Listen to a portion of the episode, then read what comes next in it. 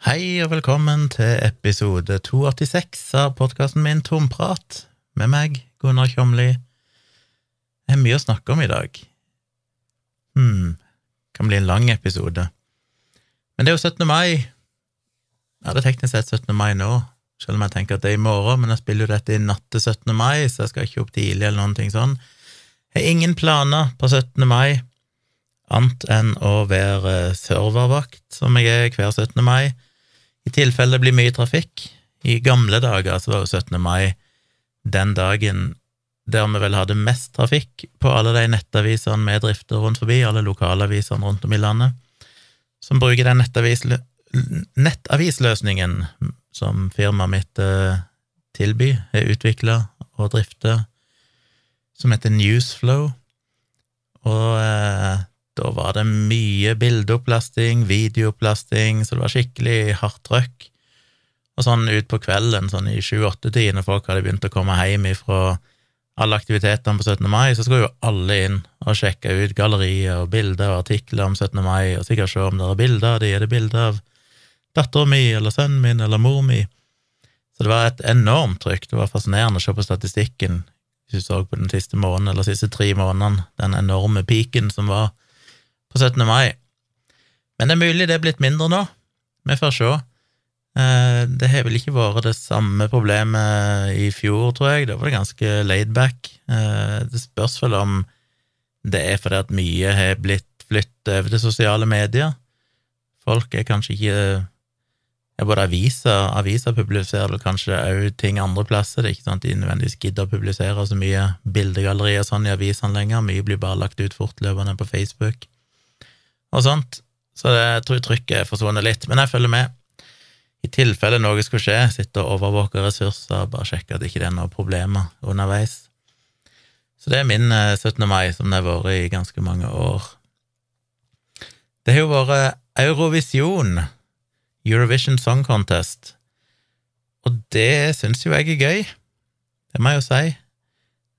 I år var det jo i Italia, siden Italia vant i fjor.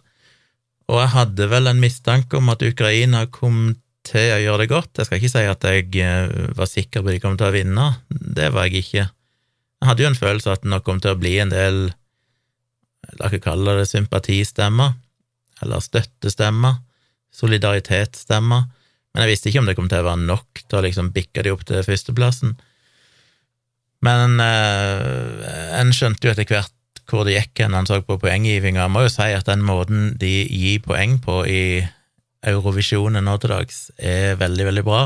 Det er jo først en kjedelig lang time eller så med, med disse fagjuryene, som er ganske ulidelig å sitte gjennom, for det er så få poeng, og det blir litt sånn Ja, det går veldig sakte, og det er små endringer i tabellen og, og sånn. For det meste de kan få, er tolv poeng, så det er ikke de store endringene over tid. Og så er det jo alle de her idiotene fra alle landene som skal lese opp poengene, som jo alltid må snakke litt for mye. Men vi er vel sånn alle sammen, jeg tror alle tenker at hvis jeg hadde vært den personen, så skulle jeg ha holdt kjeft. Men du vet, hadde en av oss fått muligheten til å stå der framfor ja, hvor mange er det som ser på? Noen titalls millioner seere, eller noe sånt, så eh, hadde vi sikkert òg hjertet litt mer enn det vi kanskje burde, så vi får vel være tilgi de men det er vondt at de alltid må bruke det ekstra minuttet som baller på seg når det er 40 land, er det ikke det? Så er det plutselig 40 minutter som går ekstra med piss som de kunne bare spart seg for.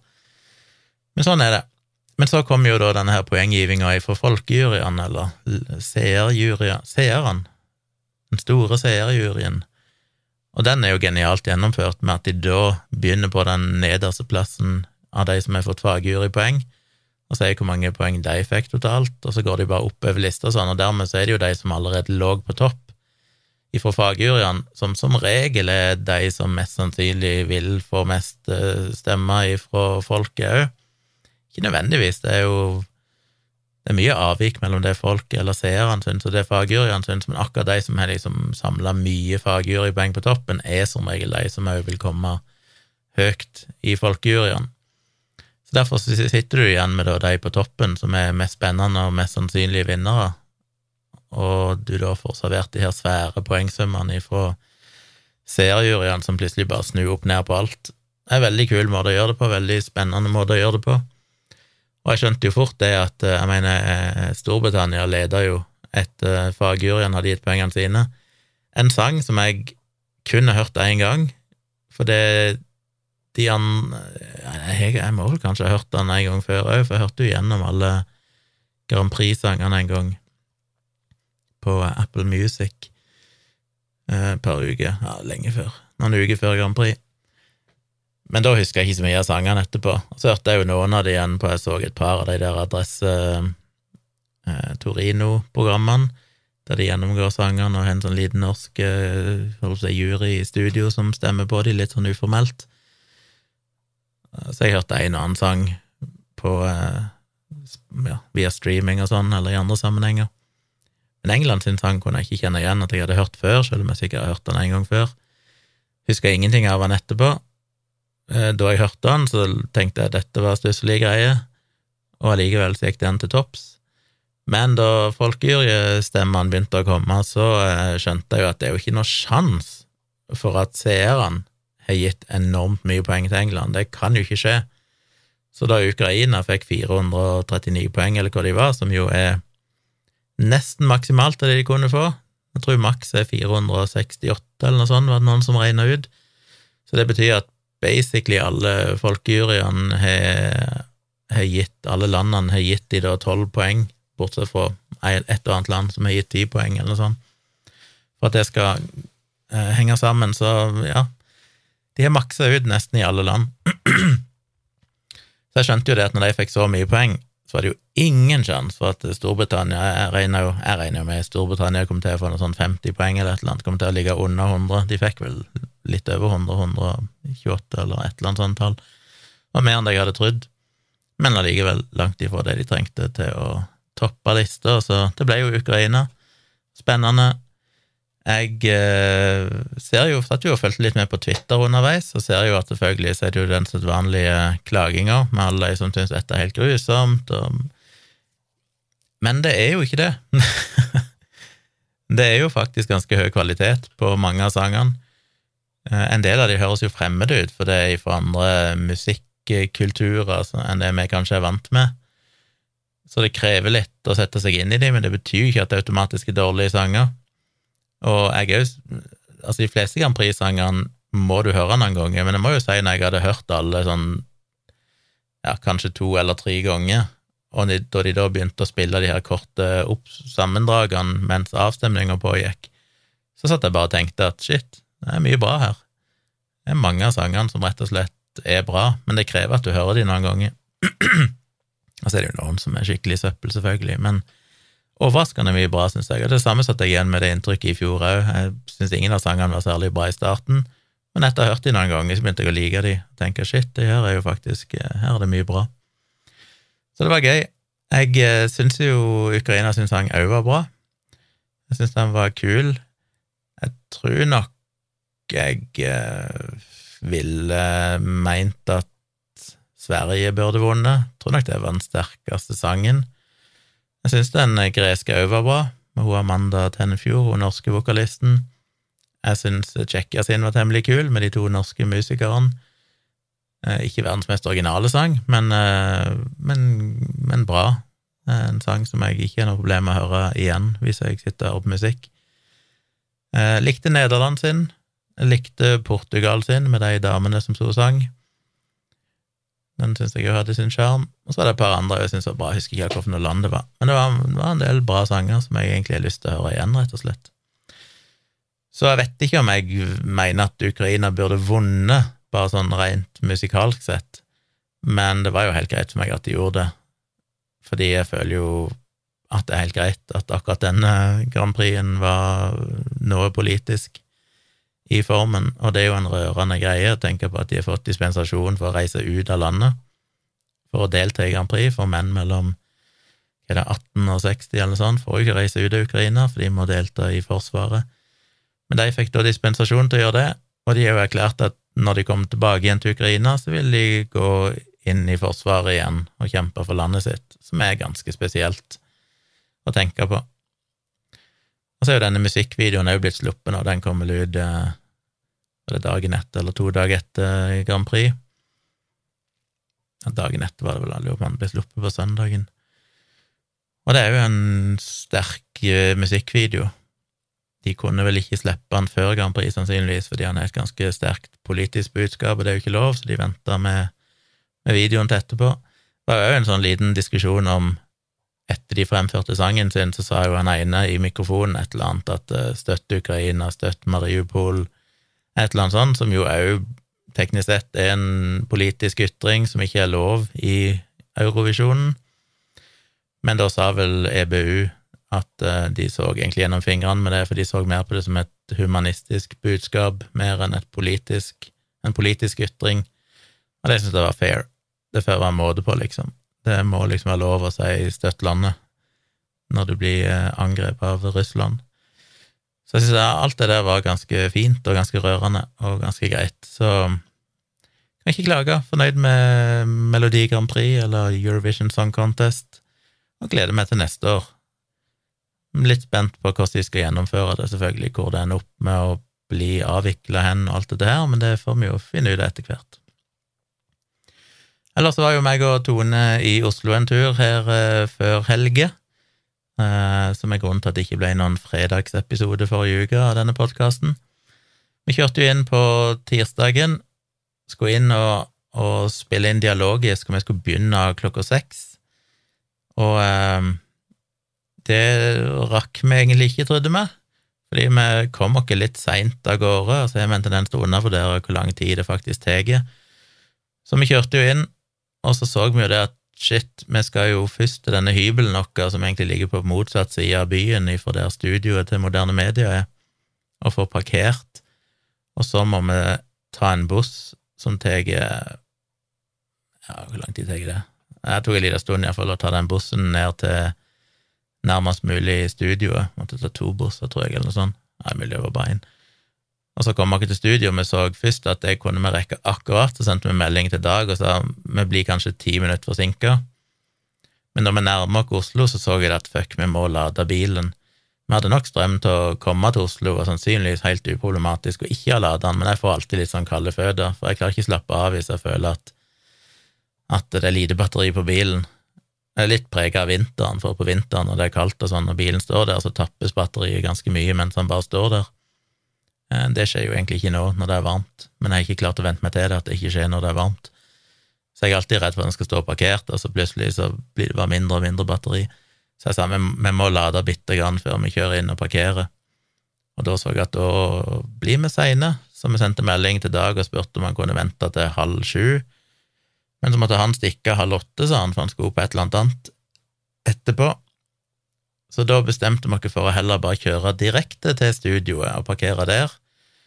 Eh, gjennomføre podkasten, og så kjøre hjem etterpå. Og da får jeg litt kalde føtter, for da er det sånn åh, må jeg nå kjøre inn i byen-ish, og det liker jeg ikke. Men det var ikke så veldig vanskelig, det var bare egentlig å kjøre av eh, motorveien, altså noen hundre meter, så var vi jo på eh, Tjuvholmen og parkerte der, bak eh, ja, omtrent bak The Thief-hotellet, sånn cirka, og så traska vi de ti minuttene eller 10-15 minuttene det jeg å gå bort til studioet som ligger borte med Akershus festning. Så det endte vi opp med å komme tidlig istedenfor å komme seint, og det overraska jo Dag litt. Så vi gikk ifra å skulle være en halvtime forsinka til å plutselig komme et kvarter før tida. Men eh, det ble bra. Vi fikk spilt inn podkast dialogisk som er ute, så sjekk ut den hvis ikke du hørte den. Tror det ble en ganske bra episode. Og så kjørte vi hjem etterpå, ja, og kom ikke inn i hybelen vår. Dagen etterpå, på onsdagen, skulle Tone tatovere seg. Jeg satt og jobba litt eh, på mitt eh, lille hybelkontor, en bitte liten pult, der det er akkurat plass til en bærbar PC og en liten kontorstol. Fikk jobba litt. Eh, hva mer skjedde? Jeg hadde ikke noe mer på onsdagen, men på torsdagen så hadde jeg et møte med et brudepar som jeg skal ta bilder av i begynnelsen av juni i Oslo. Og da måtte jeg jo enten ta buss til dem, for de bodde helt ute på Nordstrand, og jeg skulle ha møte med de hjemme hos seg. Så jeg tenkte først jeg kunne ta buss, men da måtte jeg ta to forskjellige busser, det ville ta nesten tre kvarter. Eller jeg kunne kjøre, og det ville ta 20 minutter. Så jeg har jo angst for å kjøre i byen, Men så endte jeg i siste liten opp med å bare få tenke sånn Jeg orker ikke, jeg var så sliten, og jeg satt og chilla hjemme. Hadde vært ute og gått tur tidligere på dagen. Så jeg fant ut jeg jeg kjører heller, så sparer jeg, kan jeg slappe av litt lenger. Så jeg kjørte, og jeg, jeg kan jo ikke veiene i Oslo, så jeg må bare stole på GPS-en, så hvis GPS-en sier at jeg tar deg gjennom sentrum, jeg tar deg ned til Barcode og gjennom hele det tjukkeste bygreiene der, gjennom gamlebyen og full pakke, så måtte jeg bare leve med det. Så jeg var ganske stressa. Det hjelper jo Jeg kjørte jo litt gjennom byen da, eller på tirsdagen etter vi hadde hatt podkast, for da måtte vi kjøre ifra Tjuvholmen og opp, og da gikk jo òg turen rett gjennom byen. Krysse over Nationaltheatret og oppover der. Jeg hadde litt angst, men da hadde jeg iallfall Tone med meg, og Tone er litt sånn dreven. Eh, ja, dreven og dreven. Jeg mener, hun har jo ikke kjørt mye, og det er lenge siden hun har kjørt, men hun har en litt mer forståelse og har tatt oppkjøring og sånn i, i by, mens jeg eh, har jo knapt kjørt i by. Så hun iallfall sa så kjører du her, og så kjører du her, og så hun kjenner jo veiene, hun har jo bodd i det området vi skulle kjøre før og sånn, og, så det var litt betryggende. Men da jeg skulle kjøre sjøl, så var jeg jo helt aleine. Men det gikk eh, overraskende greit, selv om det var litt sånn halvveis i rushtida så gikk det ganske greit å kjøre opp til Nordstrand. Men da jeg skulle hjem igjen, så så jeg at GPS-en tok meg ned i sentrum igjen, og så tenkte jeg denne gangen må jeg planlegge litt bedre. og min største frykt er jo trikk. For jeg mener, jeg kan trafikkreglene, men i det øyeblikket det dukker opp en trikk, så er det jo bare totalt anarki, føler jeg. Så jeg googla faktisk trafikkregler trikk, og fant ei side hos uh, Veitilsynet eller en eller annen sånn nettside som hadde ei grei oversikt over hvilke trafikkregler som gjaldt i forbindelse med trikk. Så jeg leste dem mens jeg satt i bilen, satt og bladde gjennom på mobilen og tenkte sånn, ok, ok, ok, uh, ok, da tror jeg jeg skjønner hvordan jeg må forholde meg til, til trikk. Så kjørte jeg ned. Denne gangen tok han meg en litt annen rute, som jo alltid er interessant med GPS, at uh, han kan ta to helt forskjellige ruter fram og tilbake. Det er sikkert litt fordi han selvfølgelig kalkulerer inn trafikk og sånn, men uh, det var jo litt kjipt, for denne gangen tok han meg på en enda verre rute, og da kom jeg jo i den situasjonen som jeg bare Som er akkurat den situasjonen jeg ikke har klart å formulere tidligere når jeg har sagt til folk hvorfor jeg syns det er så dritt å kjøre i by, enten at det er trikk.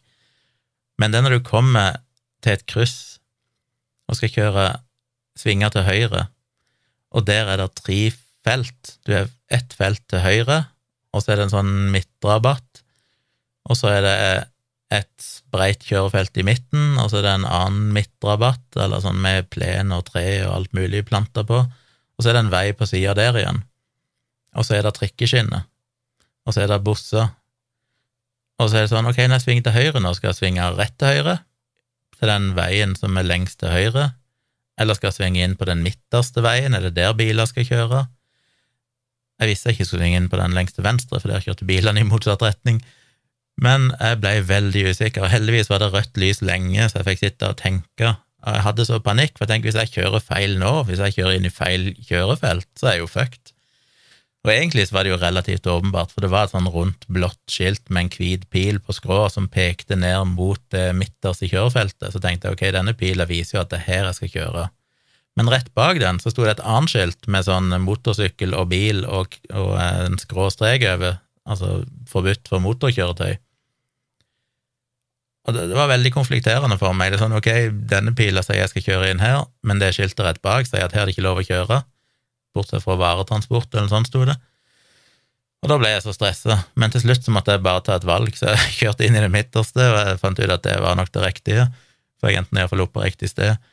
Men ja, det er bare akkurat det jeg, akkurat det jeg hater mest av alt, å sitte i den situasjonen, ikke ha noen å spørre, og bare vite at hvis jeg nå driter meg ut, så driter jeg meg ut så totalt. For da, er jeg jo, da ender jeg kanskje opp med å sperre for trikker og busser og vet da faen hvordan jeg skal komme meg ut igjen, og så mye folk som ser på, og nei, det er jo bare helt krise. Så det gikk heldigvis bra. Så jeg overlevde. Det jeg derimot opplevde, er jo syklister. Og nå er det sikkert noen som blir irritert på meg. Jeg mener, jeg har jo fulgt eh, alle disse sykkeldebattene på Twitter. Sykkeltwitter, hashtag. Um, og har jo alltid sympatisert med, og gjør det fortsatt, sympatiserer med ideen om et bilfritt sentrum, helt for det. Eh, gitt da selvfølgelig at det er lett å parkere ut forbi en plass uten at det er helt krise. Eh, og jeg er sympati for at jeg er for at det skal være mer sykling, det skal være tilrettelagt for sykling, at bilister skal respektere syklister, som mange bilister ikke gjør, som mer eller mindre prøver å kjøre de ned og er ganske jævlig og parkerer i sykkelfelt og alt mulig sånn dritt. Helt for og helt sympatisk til at det er mye harme og frustrasjon rundt det, men jeg må si at syklistene definitivt var den største risikomomentet ved å kjøre i byen. For gud bedre som de driter i trafikkreglene. Det var jo bare redd for å få en syklist i skallen hvert eneste øyeblikk. Altså, de krysser jo over veien i hytt og pine uansett om det er noen plass du skal krysse over, uansett hvordan lysene. Plutselig så bare kommer det sykler i øst og vest og bare tenker at ja, her rekker jeg å komme over før den bilen kommer. Og så må du bremse, og så er det sånn Nei, det var Mista litt sympatien for sykkeltwitter etter å ha prøvd å kjøre bil i sentrum en gang. Og jeg, må, jeg, var jo så oppmerksom jeg kunne, for jeg har som sagt veldig sympati for at syklistene skal ha plass og har like mye rett til å være der som alle andre. Tvert imot burde kanskje ha mer rett. Men det mister jo litt av eh, respekten når det er såpass mye eh, ignoranse for trafikkregler ifra deres eh, side. Så når jeg ser eh, syklister er blitt påkjørt og sånn, så er det jo litt sånn, ja ja. Måten jeg ser folk sykle på i byen, så er det kanskje ikke rart. Det er ikke, ikke sikkert alltid bilisten sin feil. Jeg mista litt eh, sympatien der.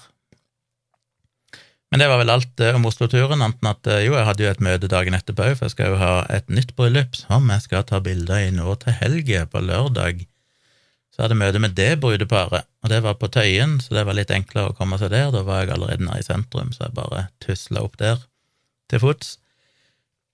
Og hadde møte med deg. De har jo hatt møte med truffet noen ganger før, for de booka meg jo egentlig for lenge siden, men så er det blitt utsatt av covid og sånne ting. Og så gikk vi gjennom litt program og sånn, Fikk eh, snakket litt om hvor vi skulle ta parbilder, ja, og sånne greier. Et utrolig hyggelig par som jeg uh, Ja, jeg gleder meg. Altså, jeg gleder gruer meg. Jeg gleder meg veldig etter det møtet, så tenkte jeg bare sånn shit, jeg gleder meg, dette kommer til å bli bra. Og jeg vet jo at det kommer til å gå bra, det er bare at jeg stiller så altfor høye krav til meg sjøl. For uh, jeg vet jo at de jeg kjenner som tar bryllupsbilder, gjør det jo ofte bare med naturlig lys. De stresser ikke så mye. Um, de fleste fotografene jeg følger på Twitter, tar de aller fleste bildene i naturlig lys. Men så ser du jo de fotografene som lager sånne awesome parbilder med det mest fantastiske lyset og effekter og sånn, og så tenker du alltid at ah, det hadde vært kult å gjort det. Men da må man jo rigge opp eh, blitser og alt mulig rart. Så det er liksom liker å legge lista hen sjøl, og jeg vet jo at vi har ikke verdens beste tid. Det er ganske stramt program, det er mye som skal skje. Eh, så jeg Planen er jo også å få tatt de fleste bildene i naturlig lys, få tatt gode bilder, og få dekka liksom de viktigste tingene. Og når jeg føler meg trygg på at jeg har det i boks, så har jeg lyst, hvis det er tid igjen, til å eksperimentere litt mer. og prøve å gjøre noen kule ting som ikke er så kritiske, om det ikke skulle eh, ja, enten har tid til det, eller at de ikke skulle lykkes totalt. Men jeg vet jo egentlig at jeg har kontrollen på det, det er bare det at det er en sånn eh, Ja, jeg stiller store krav til meg sjøl, og er redd for at jeg gjør det mer komplisert enn det det må være. For jeg har jo gjort dette før, og det har gått helt fint, og eh, jeg er jo blitt vesentlig flinkere siden den gang, siden jeg har tatt mye, mye mer bilder, tatt bilder på restauranter, hatt mye mer erfaring. Så alt i alt så gleder jeg meg til å komme i gang. Det blir kult. Jeg skal jo kjøre inn til Oslo, som sagt, med Tone, og så kjører jeg opp til Geilo dagen etterpå. Og så skal vi ta en liten rekognosering på der vi skal ta bildene, så jeg er litt kjent med hvor det er hen. Så blir det å bo på hotell, våkne opp neste morgen, så er det jo en lang dag. Den er slitsom. Det gruer jeg meg litt til. Jeg gleder meg til å komme i gang, for jeg syns det er dritgøy å ta bilder. Men jeg vet at jeg kommer til å bli fysisk veldig utmatta, for det er tungt, og du trasker ganske mye og er på beina hele fuckings dagen. Det er bare rundt og rundt og er liksom på alerten hele tida for å se om det skjer noe, og det er jo sosialt krevende for min del, for jeg må jo forholde meg til veldig mye folk hele tida, og ta litt ledelsen og alt mulig sånn. Men alt i alt så gleder jeg meg. Jeg tror det blir veldig gøy, og jeg gleder meg til jeg er ferdig og forhåpentligvis føler at eh, ja, jeg fikk tatt mye bra bilder. For selvfølgelig er jo masse katastrofetanker om utstyr, og tenk om eh, minnekortene feiler, tenk om kameraet plutselig slutter å virke. Jeg har jo backup av alt, jeg har to kameraer. alle bildene blir lagra på to minnekort samtidig, jeg har mange ekstra minnekort, jeg har mye ekstra batterier.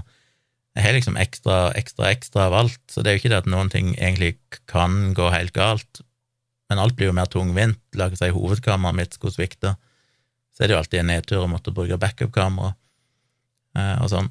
Så jeg frykter jo alltid det. Oddsene for at det skjer, er jo mikroskopiske. Det er jo aldri skjedd før, aldri opplevd noen tekniske problemer. Men selvfølgelig så får en jo sånne tanker. Men jeg satser på det går bra. Gleder meg til det. Og så blir det gøy med enda et nytt bryllup da et par uker seinere, tre uker seinere. Så det blir stas. Jeg eh, tenkte jeg skulle snakke bitte grann om bitcoin og kryptovaluta, for jeg eh, syns det er komplisert, vanskelig å forstå alt. Og da snakker jeg ikke primært om teknologien og sånn, men mer at det så Det finnes jo tusenvis på tusenvis av forskjellige kryptovalutaer nå. De har forskjellige egenskaper. Det er ikke sånn at alle kryptovalutaer er like, det er ikke bare at det er forskjellige navn på de, liksom, at, det, at alle er liksom samme teknologi, det er det ikke. Så noen vil jo hevde at det egentlig kun er bitcoin som er liksom den ekte, desentraliserte, helt uavhengige, virkelige kryptovalutaen som gjelder mens alt andre er bare svada. Og det kan godt være. Um, men det som skremmer meg litt, er vel litt av de politiske aspektene ved kryptovaluta. Jeg skal lenke til en artikkel i shownotes som jeg delte på Twitter for uh, ei lita stund siden, ja, jeg må prøve å huske den, jeg har ikke notert det, så jeg skal prøve å huske det. Hvis jeg glemmer det, send meg en mail på tompratpodkast.gmail.com hvis ikke dere finner noen link til den artikkelen. Men det var en artikkel som jeg syntes var veldig bra, der det var selvfølgelig ensidig, for det var en som tydeligvis har vært kritisk til kryptovaluta lenge, som eh, Det var transkribert et veldig langt intervju, så det er en lang artikkel, men der han egentlig adresserer alt det han ser på som problemer med kryptovaluta generelt sett, inklusiv bitcoin. Og den var ganske interessant. Og jeg skulle gjerne litt sett noen, jeg må sjekke om jeg finner noen som har tatt for seg den, og eventuelt svart på den og kommet med motargumenter. Eh, men det er nå så. En annen ting er jo mer som sagt de politiske aspektene, og det jeg ser, er jo at kryptovaluta i veldig stor grad blir omfavnet av libertarianere. Og jeg ser ofte en kobling mellom de som eh, er veldig sånn misjonære for kryptovaluta, og folk som for eksempel har vært veldig imot uh, både vaksiner og lockdown, eller som vi har ikke hatt noen sånn reell, skikkelig lockdown i den forstand i Norge, men òg bare smitteverntiltak som har på noen slags måte begrensa individets rettigheter, eller frihet. Så det er en sånn veldig sånn antisamfunn, antistatlig tenking rundt det. Og min veldig sånn korte vurdering av kryptovaluta så langt er det at det kan godt være at teknologien i prinsippet er bra. I den artikkelen jeg skal dele, så hevder jeg vel at den ikke det heller, den er egentlig dømt til å feile. Men det vet jeg ikke om stemmer. Jeg liker jo mye av tanken bak det, dette med at det er uavhengig og alt mulig sånn, og de som promoterer det, er veldig opptatt av at det ikke skal være noen sentral institusjon som styrer dette, du skal ikke være avhengig av myndighet eller banker, dette bare eksisterer helt av seg sjøl, noen bare på en måte skrudde det på, og så er det helt, helt selvstendig i ettertid. Selvfølgelig er den største tingen kryptovaluta har, har medført, er jo egentlig bare enormt med ransomware, og at uh, folk over hele verden har tapt uh, ekstreme summer på at kriminelle bruker det. Det er kanskje den største effekten det så kan en diskutere hvor positivt det er. Men uh, i teorien så ser jeg jo de positive sidene med at fattige land og sånn, der mennesker gjerne ikke har mulighet til å få lån i banker og kanskje ikke kan få en bankkonto engang, har den friheten med at de kan, hvis de har en mobiltelefon, så kan de liksom bruke kryptovaluta. Så i prinsippet så høres det bra ut. I praksis så minner det meg jo Det blir litt som med kommunisme. Det er sånn, Kommunisme er flott i teorien, i praksis så funker det ikke, fordi mennesker er mennesker med alle sine feil og mangler. Eh, minner meg kanskje òg litt om Linux på desktop. Linux på desktop er egentlig i prinsippet overlegent. Det er åpen kildekode, det er liksom så fantastisk. Jeg prøvde jo gang på gang for 20 år siden, eller ifra tidlig 2000-tall og ti år framover omtrent, så brukte jeg Linux på desktopen jevnlig, men etter å ha brukt det ett eller to år, så ditcha jeg det alltid, jeg gikk over til Windows igjen, og så etter en stund gikk jeg tilbake til Linux igjen, tenkte nå har det sikkert blitt bedre, og til slutt endte jeg opp med Mac da jeg brukte det siden. Men uh, Linux på desktopen er en fryktelig god idé. Problemet er at det har aldri funka. Uh, helt siden slutten av 90-tallet, iallfall tidlig 2000-tallet, så har en alltid hørt at liksom nå nå er det bare snakk om et år eller to, så kommer det til å ta over, for det, i prinsippet, i teorien, så er jo dette overlegent. Dette er jo sikrere, det er åpent eh, Det er litt samme, den samme filosofien som kryptovaluta. Det er, det er, ingen som eier det, ingen kan ta det ifra deg. Alle som har kildekoden, kan i teorien kompilere det sjøl. Det er ingen som styrer det. Eh, I prinsippet må du ikke betale for det. Du kan gå inn og sjekke alt, du kan modifisere det som du vil. Alt er fritt i prinsippet. I praksis så ser vi jo nå 20 år seinere at det fortsatt praktisk talt ikke er noen sånn prosentvis i, i, verden som bruker Linux på desktopen. På servere, derimot, så er det ekstremt utbredt, og de aller fleste webservere eller servere knytta til internett i verden kjører jo Linux. Og det er jo fordi at det er jo drifta av kompetente folk, det er folk som har peiling. Men med en gang du skal over i liksom forbrukerverden, eh, meg og deg, så funker det dårlig. Fordi de aller fleste er ikke kompetente nok til å kunne forholde seg til noe som krever litt mer innsats enn en Mac som liksom bare virker, eller Windows som er bare å installere, så virker det. Det krever litt mer. Og med en gang noe skal fungere og være sikkert på en enkel måte, så krever det at noen styrer det. Det er litt som med AppStore til, til iPhonen. Noen er forbanna for at du må Alle apper du kan installere på en iPhone, kan, må installeres fra AppStore, og der må Apple gå gjennom og godkjenne appene, og de har sine regler. Andre mener at det er en stor fordel, for det, det er jo ekstremt mye mindre. Det er, ikke, det er ikke bulletproof, du slipper gjennom dritt i AppStore òg, men det er ekstremt mye mindre malware og, og tull i, i Apple sin AppStore enn det er eksempel i Google Play sin, uh, sitt system. Så Eller, eller på Android-telefoner, mener jeg. Så det, jo, det, gir jo en sikkerhet, det gir en trygghet, det gjør det veldig veldig enkelt å installere en app. Det er liksom bare to tapp med pekefingeren, så har du installert appen. Det kan ikke bli enklere, men alltid når du skal ha ting til å være enkelt og sikkert, så gir du fra deg en del frihet. Det gjelder på alle områder i, i livet og i samfunnet. Så bruker du en Mac, bruker du Windows, så gir du fra deg noe og det du får igjen, er at det er enklere å bruke. Eh, du kan føle deg som regel tryggere når du bruker det. Det vil virke når du skrur på maskinen. Med Linux er det mye større frihet, du kan konfigurere det akkurat som du vil, du kan gjøre så mye, eh, men du må vite hva du gjør. Oftest vil det ikke virke, det krever mye innsats, mye arbeid å få det til å virke som det skal. Folk flest gidder ikke det. Der føler jeg meg litt med kryptovaluta. Jeg tror at selv om kryptovaluta er overlegent i teorien, så er det kun én måte det noen gang vil kunne bli utbredt på, og det er hvis det er noen sentrale aktører, banker, andre, som ender opp med å lage et system som gjør det enkelt. Fordi de som er bitcoin-misjonærer i dag, har jo brukt mye tid på å sette seg inn i det, og jeg kan ikke, jeg kan ikke Jeg mener, det finnes vel ingen gruppe i verden som er dårligere til å misjonere for budskapet sitt enn bitcoin-gjengen. Fordi heller enn å prøve å, å, delta i samtaler og forklare ting på en forståelig måte, så er det bare en gjeng som sitter med sin interne terminologi som ingen skjønner noen ting av.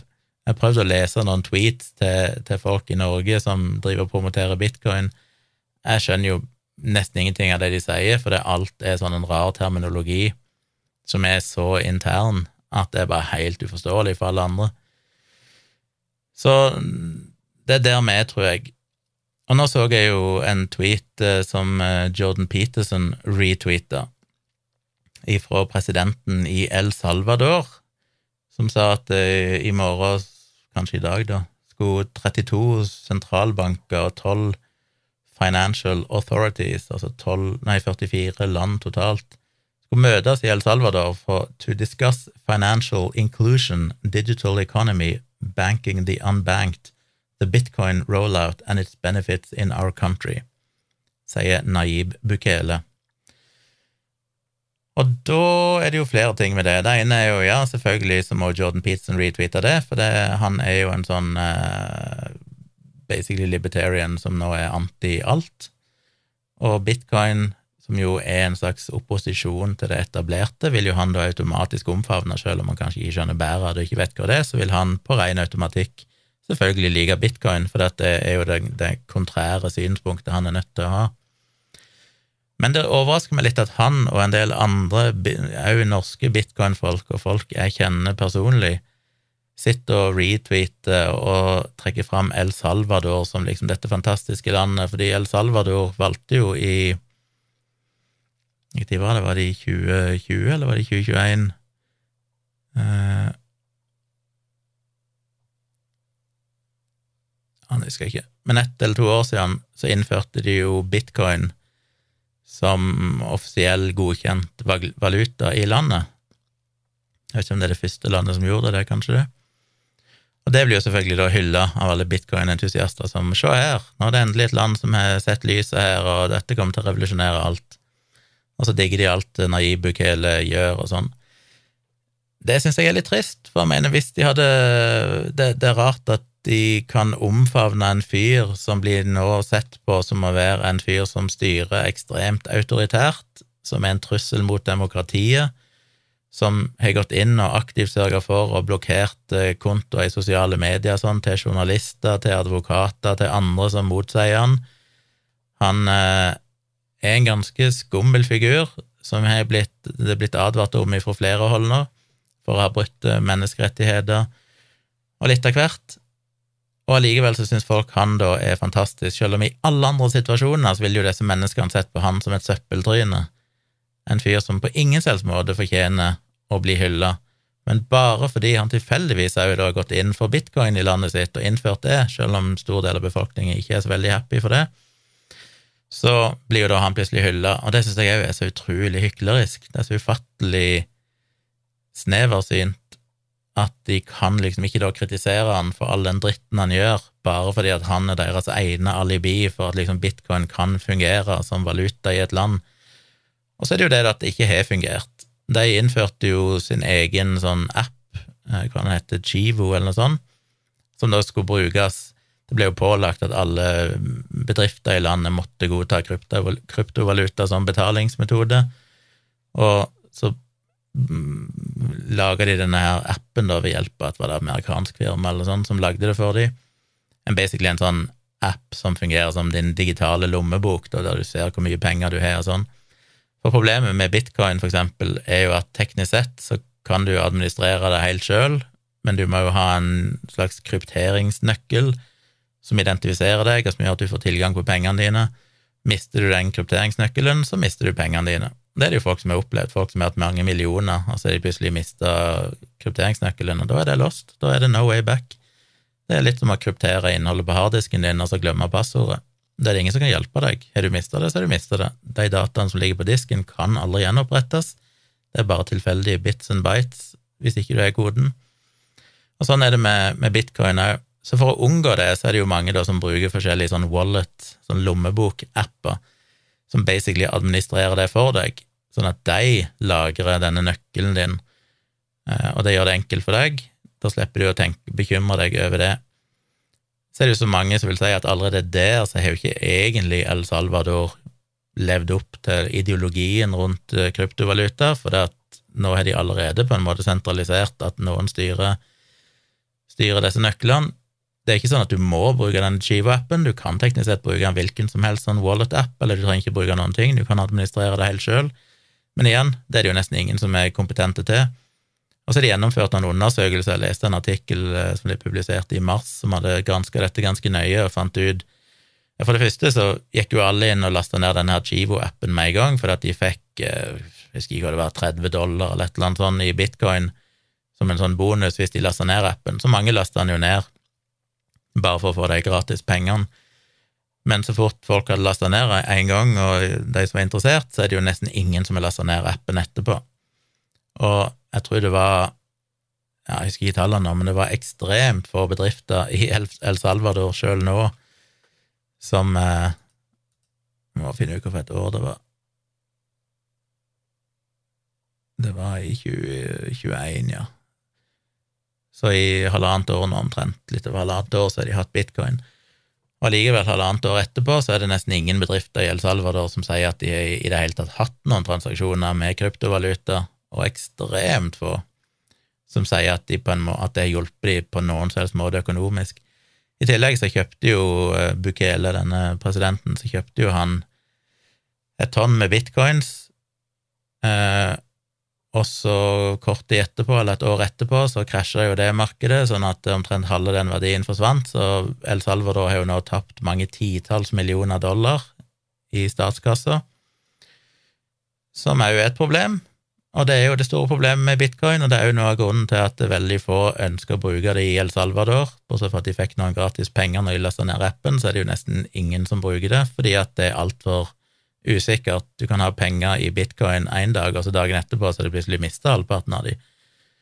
Så som betalingsmiddel så funker det dårlig. Det er jo veldig treigt. Du kan bare gjennomføre hva er det, sju til ti transaksjoner eller noe sånt i sekundet over hele verden totalt sett, som jo ikke holder vann.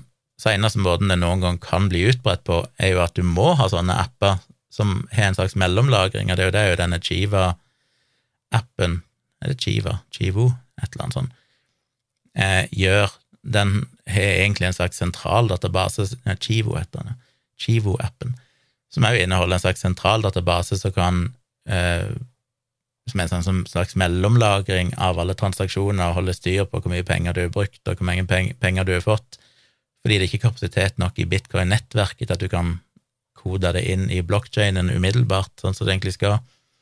Så allerede der òg så har de jo igjen overlatt ansvaret til en eller annen sentralisert database som ikke har noen ting med blokkjede å gjøre. Så det viser jo at de som hyller El Salvador, for det første, så, så har jo El Salvador vist at en sånn direkte bruk av bitcoin funker ikke. Du må bruke en sånn type digital lommebok, både fordi at folk trenger det for å ikke miste pengene sine, og òg fordi at det er ikke kapasitet nok i nettverket til å kunne behandle betalinger uten at du uansett innfører en form for sentralisert lagring. Så allerede der har de jo brutt hele konseptet med, med poenget med bitcoin, som de gjerne blir hylla for. I tillegg har landet tapt enorme summer, eh, og i tillegg er det nesten ingen som bruker det. Verken privatpersoner sier de bruker det, og ingen bedrifter sier omtrent at de egentlig har merka noe til det. Så jeg skjønner ikke hvorfor folk trekker Altså, det er så det er så, det er så enorme skylapper. Når jeg ser et, nå, når, har, når, det har vært en del undersøkelser og granskinger som har sjekka hvordan dette egentlig gått, og alt tyder på at det har gått skikkelig i ræva, og det er vanskelig å se for seg at det skal kunne vare, så blir allikevel El Salvador trukket fram av disse folkene som et sånt land som ser på El Salvador. De var de første som innførte det, ja, og det har gått helt ræva, og det er kun gjennomført, og det sier jo folk som sjøl er bitcoin-entusiaster, har jo òg vært kritiske, de som er litt mer realistiske. De er jo kritiske til den innføringen av bitcoin i El Salvador, fordi det er jo egentlig bare et enormt PR-stunt ifra presidenten. Eh, det har jo ingenting med at han egentlig vil vel for landet sitt, eller vil noen ting som helst, det handler bare om, om PR. og han driter jo egentlig om det funker eller ikke, så lenge han får eh, Han er jo kanskje blitt den mest kjente presidenten nå i eh, i uh, Måtte bare lese noe her. Ja. I uh, Sør- og Mellom-Amerika gjennom det PR-stuntet der, og det er jo egentlig det det handler om. Så det er trist, hele greia, i tillegg til at han er et rasshold av en politiker som jo ikke står for noen ting av det vi burde hylle her i Norge. Så jeg blir bare deprimert. Hvis noen av dere hører på, vær nå så greie å være litt ærlige, og innrømme at dere kan være så entusiastiske til bitcoin som dere bare vil, på samme måte som det fortsatt er folk som tror at Linux skal overta desktopen, selv om det aldri kommer til å skje. Men uh, vær nå litt ærlig på at uh, Bukele ikke er en fyr vi egentlig ønsker å hylle. Vær nå litt ærlig på at dette ikke gått spesielt bra i El Salvador. Og så tror jeg nok, som sagt, og det føler jeg veldig sterkt, at hvis bitcoin noen gang blir innført på noen måte som kommer i utstrakt bruk, sånn at folk flest plutselig begynner å bruke kryptovaluta, så kommer det til å være fordi det har blitt inkorporert i noen banker sånn, at det plutselig er gått mainstream, men at du da har mista hele konseptet med denne uavhengigheten og desentraliseringa og sånn. For det er eneste måten det kan funke på, både med tanke på kapasitet, men òg brukervennlighet. Og det er alltid trist når folk hyller et eller annet konsept fordi det i teorien er bra, men så glemmer de at folk flest er idioter. Et annet problem med, med fattige land, som kanskje er den beste målgruppa for kryptovaluta, som jeg nevnte i stad, er jo at det fortsatt er en stor hinder, og det har det jo sett i El Salvador, at for eksempel gamle folk i stor grad ikke kan bruke det, for de har ikke mobiltelefon, de vet ikke hvordan de bruker en mobiltelefon. Så kryptovaluta er jo veldig begrensa i at det er stort sett unge folk som er noenlunde teknisk kompetente, som i det hele tatt kan bruke det. Så i fattige land der de kanskje kunne hatt best effekt, så er det problemet med at der det kanskje er minst tilgang på den teknologien du trenger. Nei, er riktignok mobiltelefoner veldig utbredt, altså til og med i de fattigste landene så er det sjokkerende mange som har det, men du vil fortsatt utelukke de aller fattigste av de fattigste, og du vil utelukke de som er eldst og alt mulig sånn. Så det er ikke noen god løsning sånn sett heller. Så det er mye problemer. Eh, og det hjelper jo ikke at Jordan Peterson da selvfølgelig hyller en autoritær og antidemokratisk president, bare fordi at han da kan være kontrær. Og når jeg først gikk inn på Jordan Peterson sin eh, Twitter-feed og så dette, så la jeg jo merke til at den siste tweeten han hadde skrevet i det øyeblikket for noen timer siden tidligere i kveld, var at han hadde delt en tweet fra New York Post, som igjen hadde delt et bilde fra Sports Illustrated sin Swimsuit Edition 2022. Og på forsida av årets eh, swimsuit-utgave, badedraktutgave av Sports Illustrated, så er det da en modell som heter Yumi Nu, så vidt jeg har skjønt. Hun eh, er ikke en typisk modell, ikke en typisk bikinimodell, fordi hun er ganske fyldig. Hun er, og da snakker jeg ikke bare om Altså, hun er vel, jeg vet ikke hva du skal kalle det, hun er plus size, er ikke det de kaller det? Bare at eh, det den ofte kaller for plus size i modellverdenen, er jo bare folk som ikke lenger er syltynne. Hun her er jo faktisk ganske fyldig. Og det er modig, og det er tøft, og det er viktig, og det er bra på alle måter, syns jeg, at Sports Illustrated bryter med det der eh, kroppstyranniet, og viser en modell som er utypisk tynn modell i badedrakt på forsida si. Det syns jeg er tøft, det syns jeg er viktig.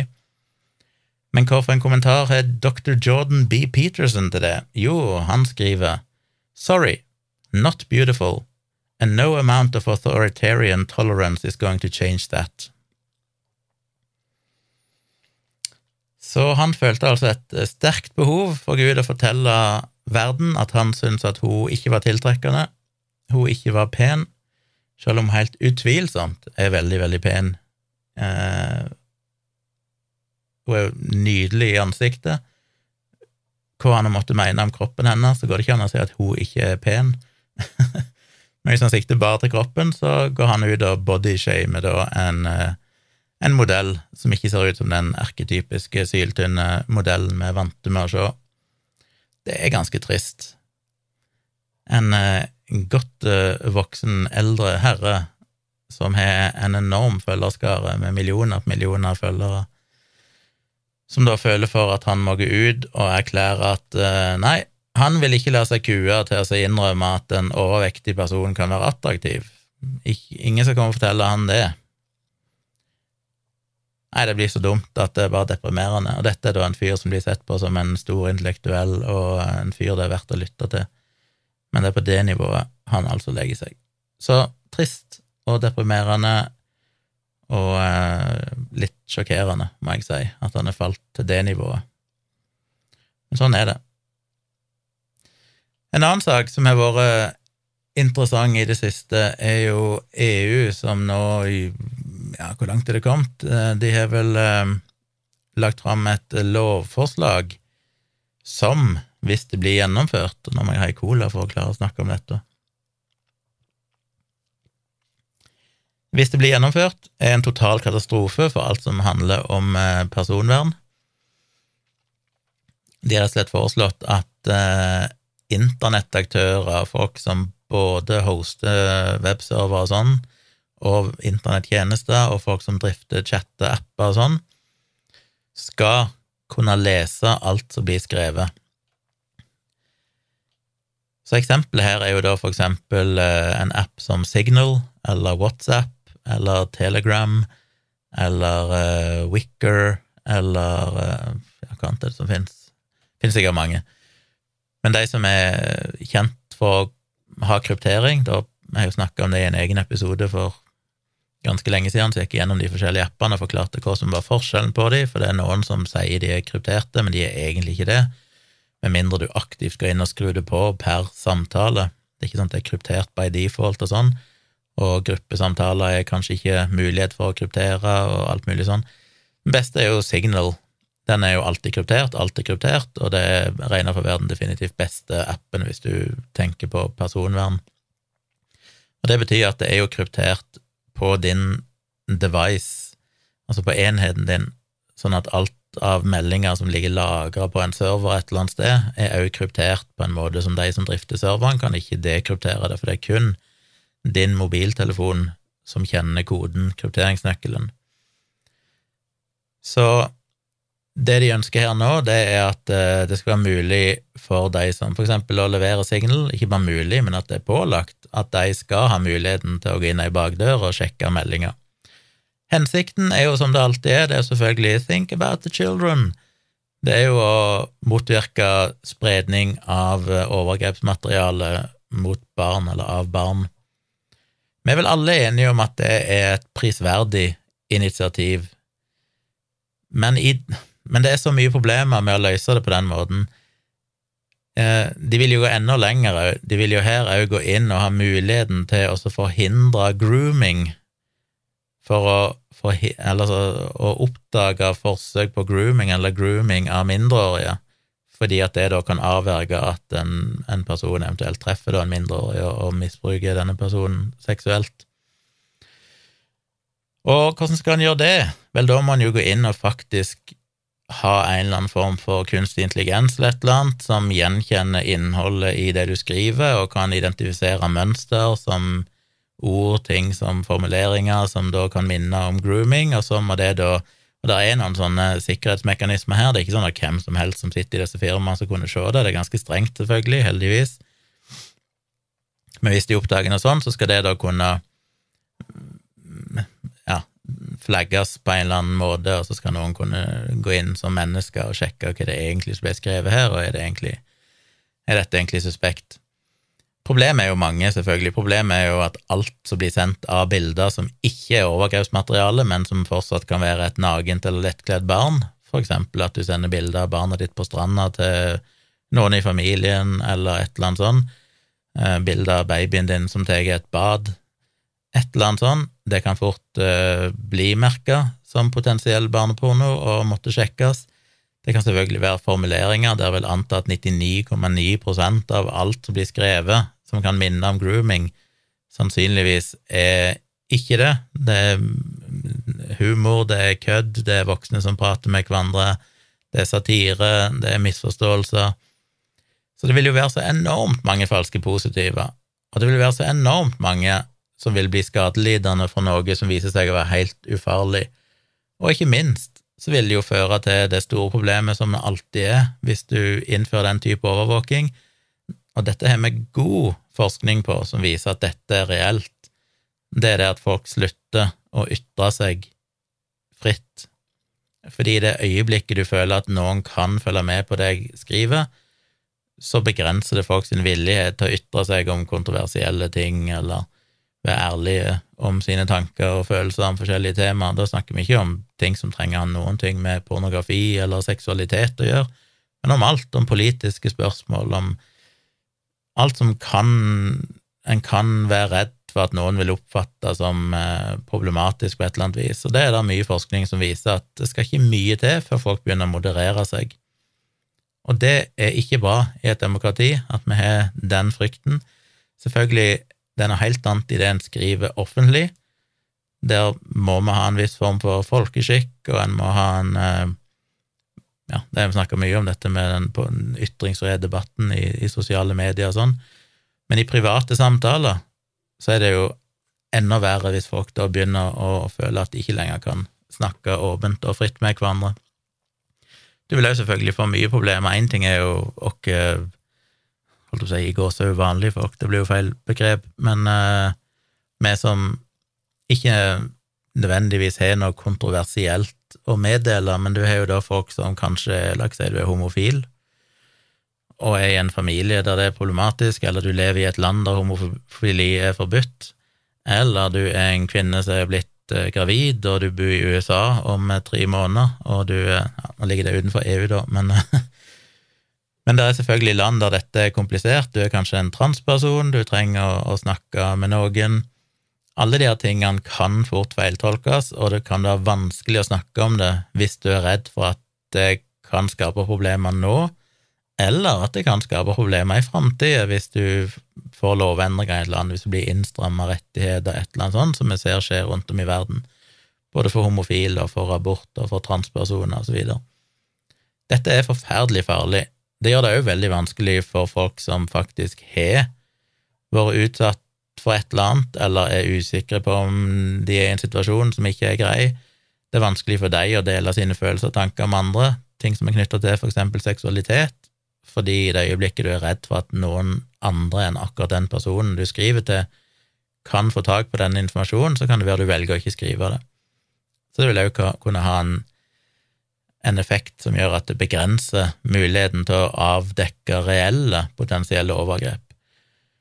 Så det, det er alle sånne her personvernproblemene, og det er det mange som har skrevet mye om, blant annet på NRK Beta, tror jeg det var skrevet en artikkel om det. Det er mange som snakker om det, og det vil nesten overraske meg om det vil gå igjennom, for at, uh, sånne forslag tidligere har jo blitt uh, har jo blitt skrinlagt, fordi det kommer så massive protester, en finner ut at det bryter med menneskerettigheter og alt mulig.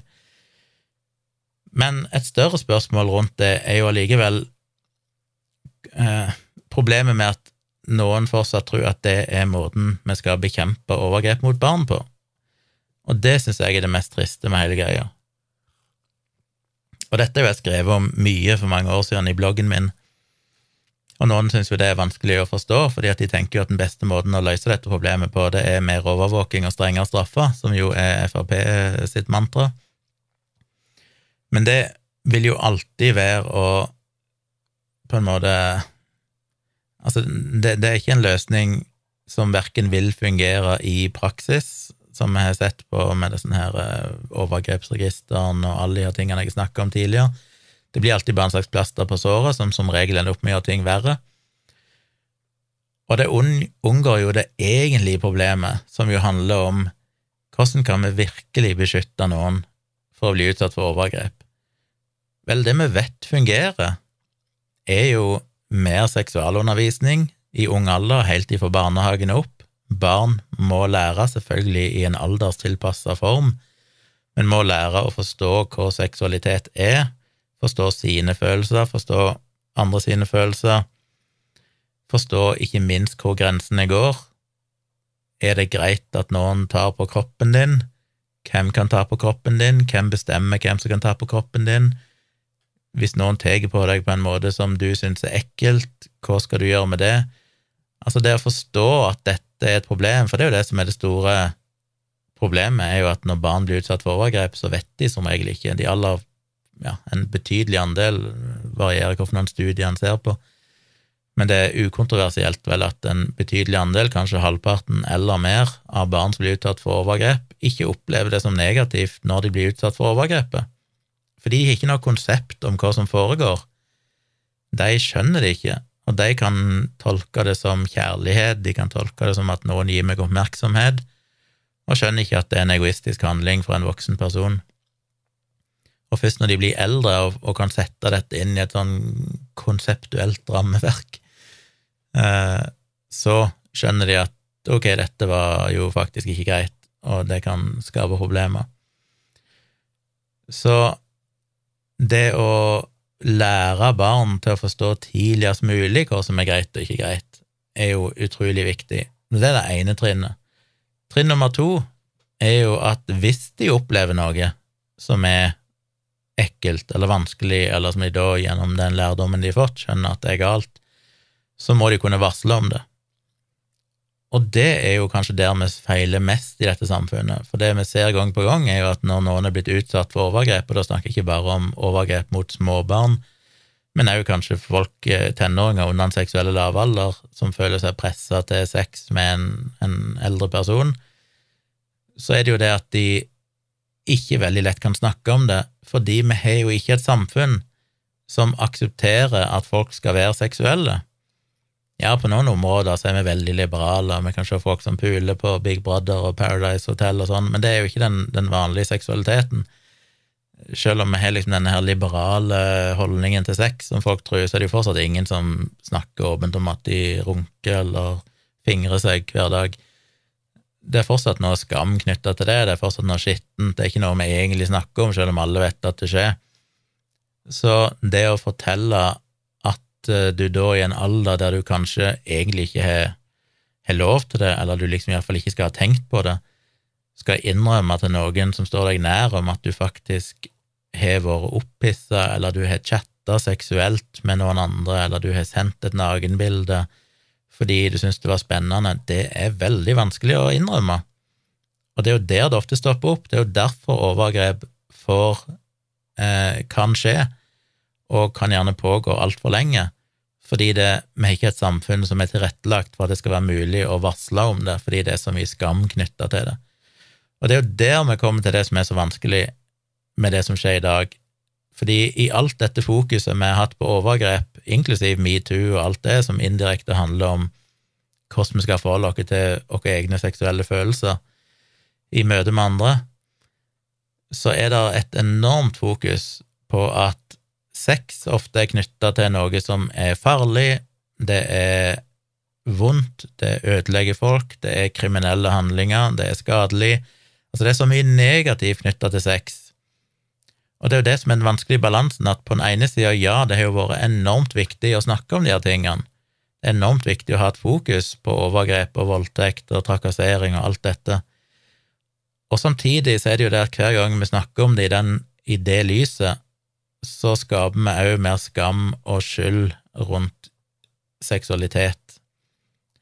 Alt av seksualitet som ikke nødvendigvis er liksom A4, så hvis du er ei 15 år gammel jente som er tiltrukket av en 30 år gammel mann, og du har utvikla følelser for denne mannen, men allikevel så er det ikke greit, du har ikke lyst til å gå til det steget og ha sex, men du føler deg pressa av denne personen, så er det ikke så lett for denne 15 år gamle jenta å si det til noen, fordi det er skamfullt at hun har hatt seksuelle følelser for en eldre mann, for eksempel. Og da er det kanskje lettere å bare gå med på det, fordi du får ikke noen til å kunne snakke med og kunne kalibrere liksom din moralske rettesnor. Ikke moralsk, det er feil, for det er ikke noe umoralsk fra 15-åringens side, men, men eh, det er vanskelig å vite hva som er rett og galt når ikke du kan snakke om andre, og du tror kanskje bare at ja, ja, men det er jo kanskje riktig, dette er jo sånn det er.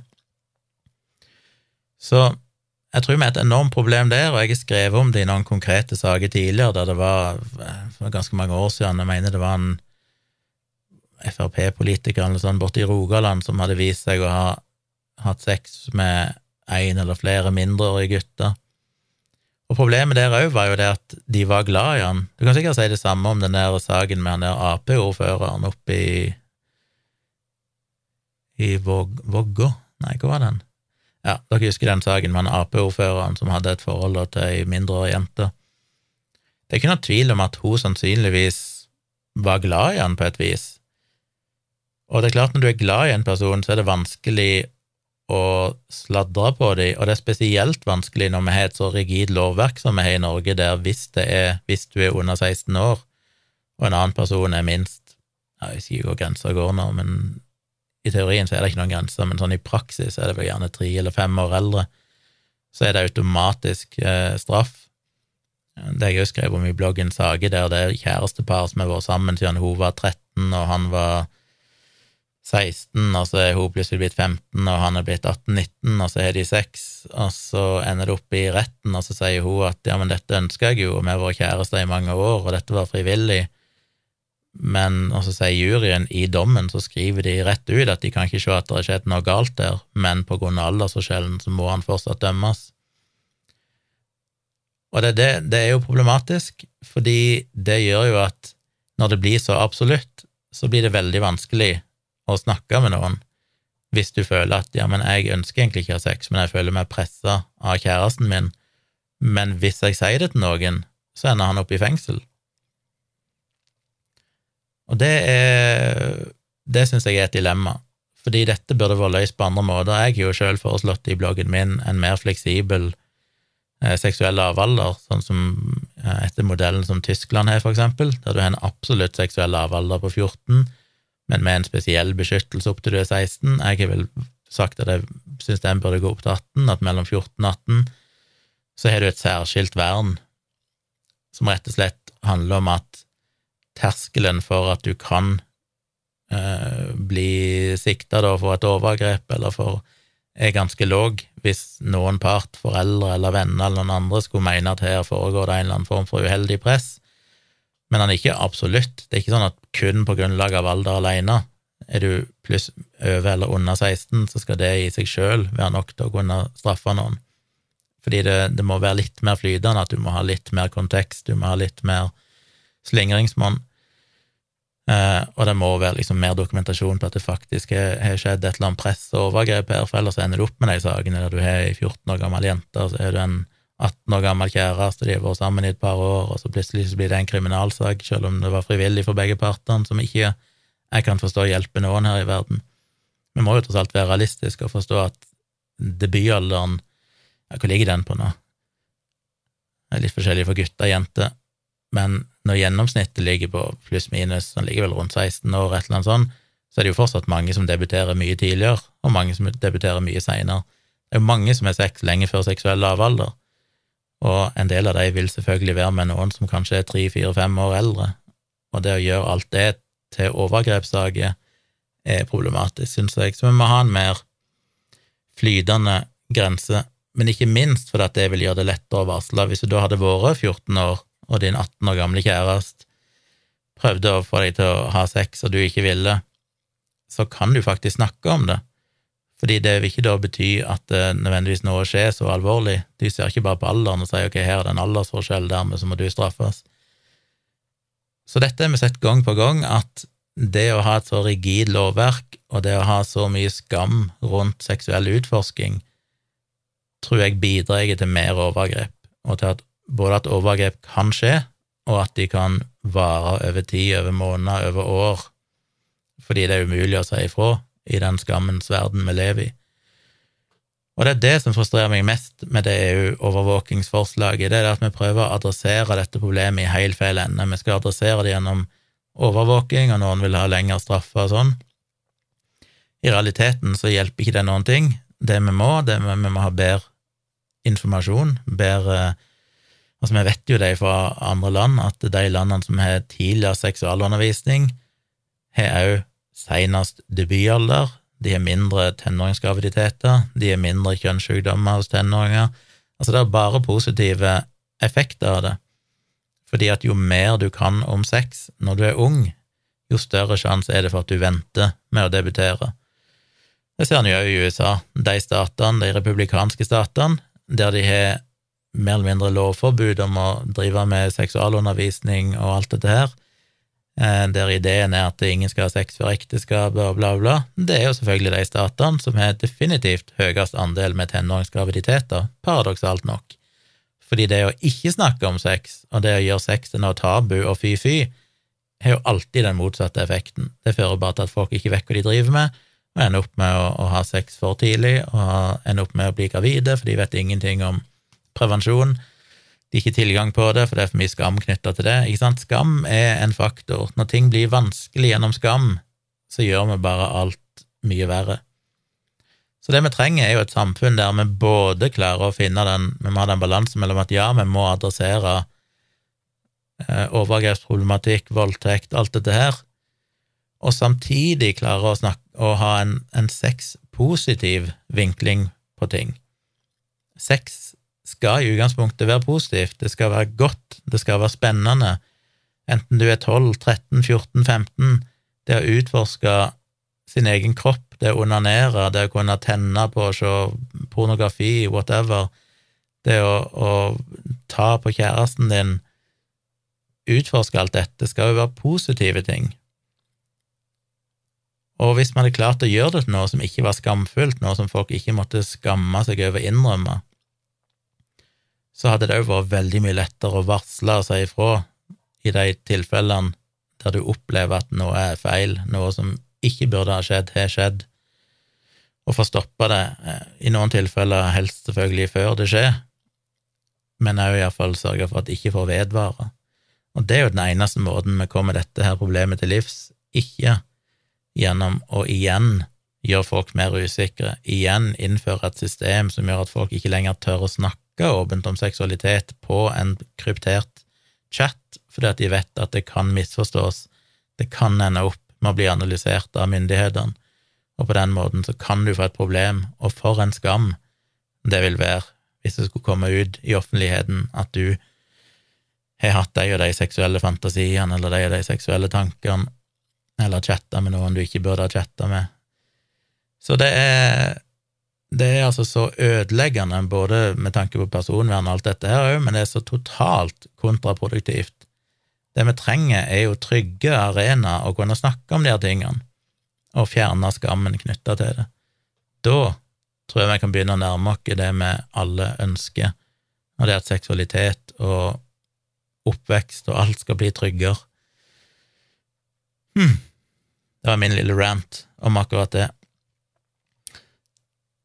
Og så, bare for å gjøre denne episoden enda lenger, så må jeg ha en uh, bitte liten rant om dette her hekkans uh, Recovery i Norge-greiene. Jeg ble bare tagga i en tweet, og uh, jeg husker ikke helt hva det handler om engang. Det var jo igjen et eller annet med med Recovery Norge. Altså, det har jo vært en prosess nå med denne her eh, studien på Lightning Process som jeg har snakket om i tidligere episoder. Der Live Landmark, som jo er Norges liksom, fremste promotør og, og sånn innenfor uh, Lightning Process, denne behandlingsmetoden Eller de, de, kaller det ikke for en behandlingsmetode, de kaller det vel for et uh, Hva kaller de det for? Treningsopplegg, holdt jeg på å si. Et eller annet sånt navn de bruker da for å unngå lovverket. For uh, folk da gjerne med med ME, men det kan òg brukes mot andre ting. Og dette er jo da et liksom sånn patentert, holdt jeg lisensiert behandlingsmetode av Phil Parker i, i, Storbritannia, som da må godkjenne folk, de må komme der på kurs, og så kan han da lisensiere andre kursholdere, som da, da Live Landmark vil lese, hun kan òg eh, lære opp nye kursholdere i dette. Og det er et enormt økonomisk Altså, det, det er big business, det er mye penger i det. Live Landmark har tjent mye penger på dette. Og hun skal jo da være en sentral aktør i denne studien, og eh, den ble jo først godkjent, og så ble den jo stoppa etter en del klager, og, og hovedpoenget i at eh, den ble stansa, var jo at primært da at det ble jo klaget inn både at uh, metodologien i denne studien var dårlig, de mener at den egentlig ikke vil vise noen ting når alt kommer til alt, blant annet fordi de som skal delta, de må jo vise at de er motiverte til å delta og sånn. Altså når de gjennomførte sånn tre dagers Lightning Process-kurs, så skal de jo ved ja, to uker, seks uker, ti uker, seks måneder eller sånn, så skal de svare på noe spørreskjema. Og hvis de da allerede er blitt prima til at du skal bruke positive ord, du skal ha aktiv eh, ordbruk som bygger opp under dette her med at ja, du skal lykkes, ja, du skal ja, det er jo denne her positiv tenking-greia, det er mye som ligger i det. så vil det jo påvirke svarene du gir. Det er klart Hvis du er blitt prima til at det er en viktig del av metoden, at du ikke tenker negativt, at ikke du tenker på deg sjøl som sjuk, at ikke du tenker på at ikke du klarer ting, men at du liksom ja, du kan, ja, du Alt dette her, så vil det jo påvirke måten du svarer på skjemaene, for da er det jo viktig at du svarer positivt, at ja, dette virker, ja, dette hjelper, ja, jeg føler meg bedre. Og dermed så blir hele resultatet ganske meningsløst. Så det var en av klagene. Eh, men i tillegg så gikk det jo selvfølgelig på den potensielle inhabiliteten da, til at Live Landmark blant annet skulle intervjue alle deltakerne som skulle være med, og liksom sjekke om de var motivert og alt dette her, og skulle være ganske tett involvert i studien, og hun da har direkte økonomiske interesser av at Lightning Process får et en studie på Lightning Process får et positivt resultat. Så det endte jo opp med at denne klagen ble, ble godkjent, sånn at eh, studien ble stoppa. Men så har han jo fått godkjenning igjen nå, det var vel tidlig i 2022 så fikk han det, med forbehold om at de gjorde noen endringer. Eneste endringen tror jeg var at det var pålagt nå at i alt av forskningsartikler sånn som ble skrevet i kjølvannet av studien, så måtte det komme veldig tydelig fram at da Live Landmark var, hadde økonomiske interesser i dette, da to på en måte var hva heter det? Partisk, eller hva en skal si.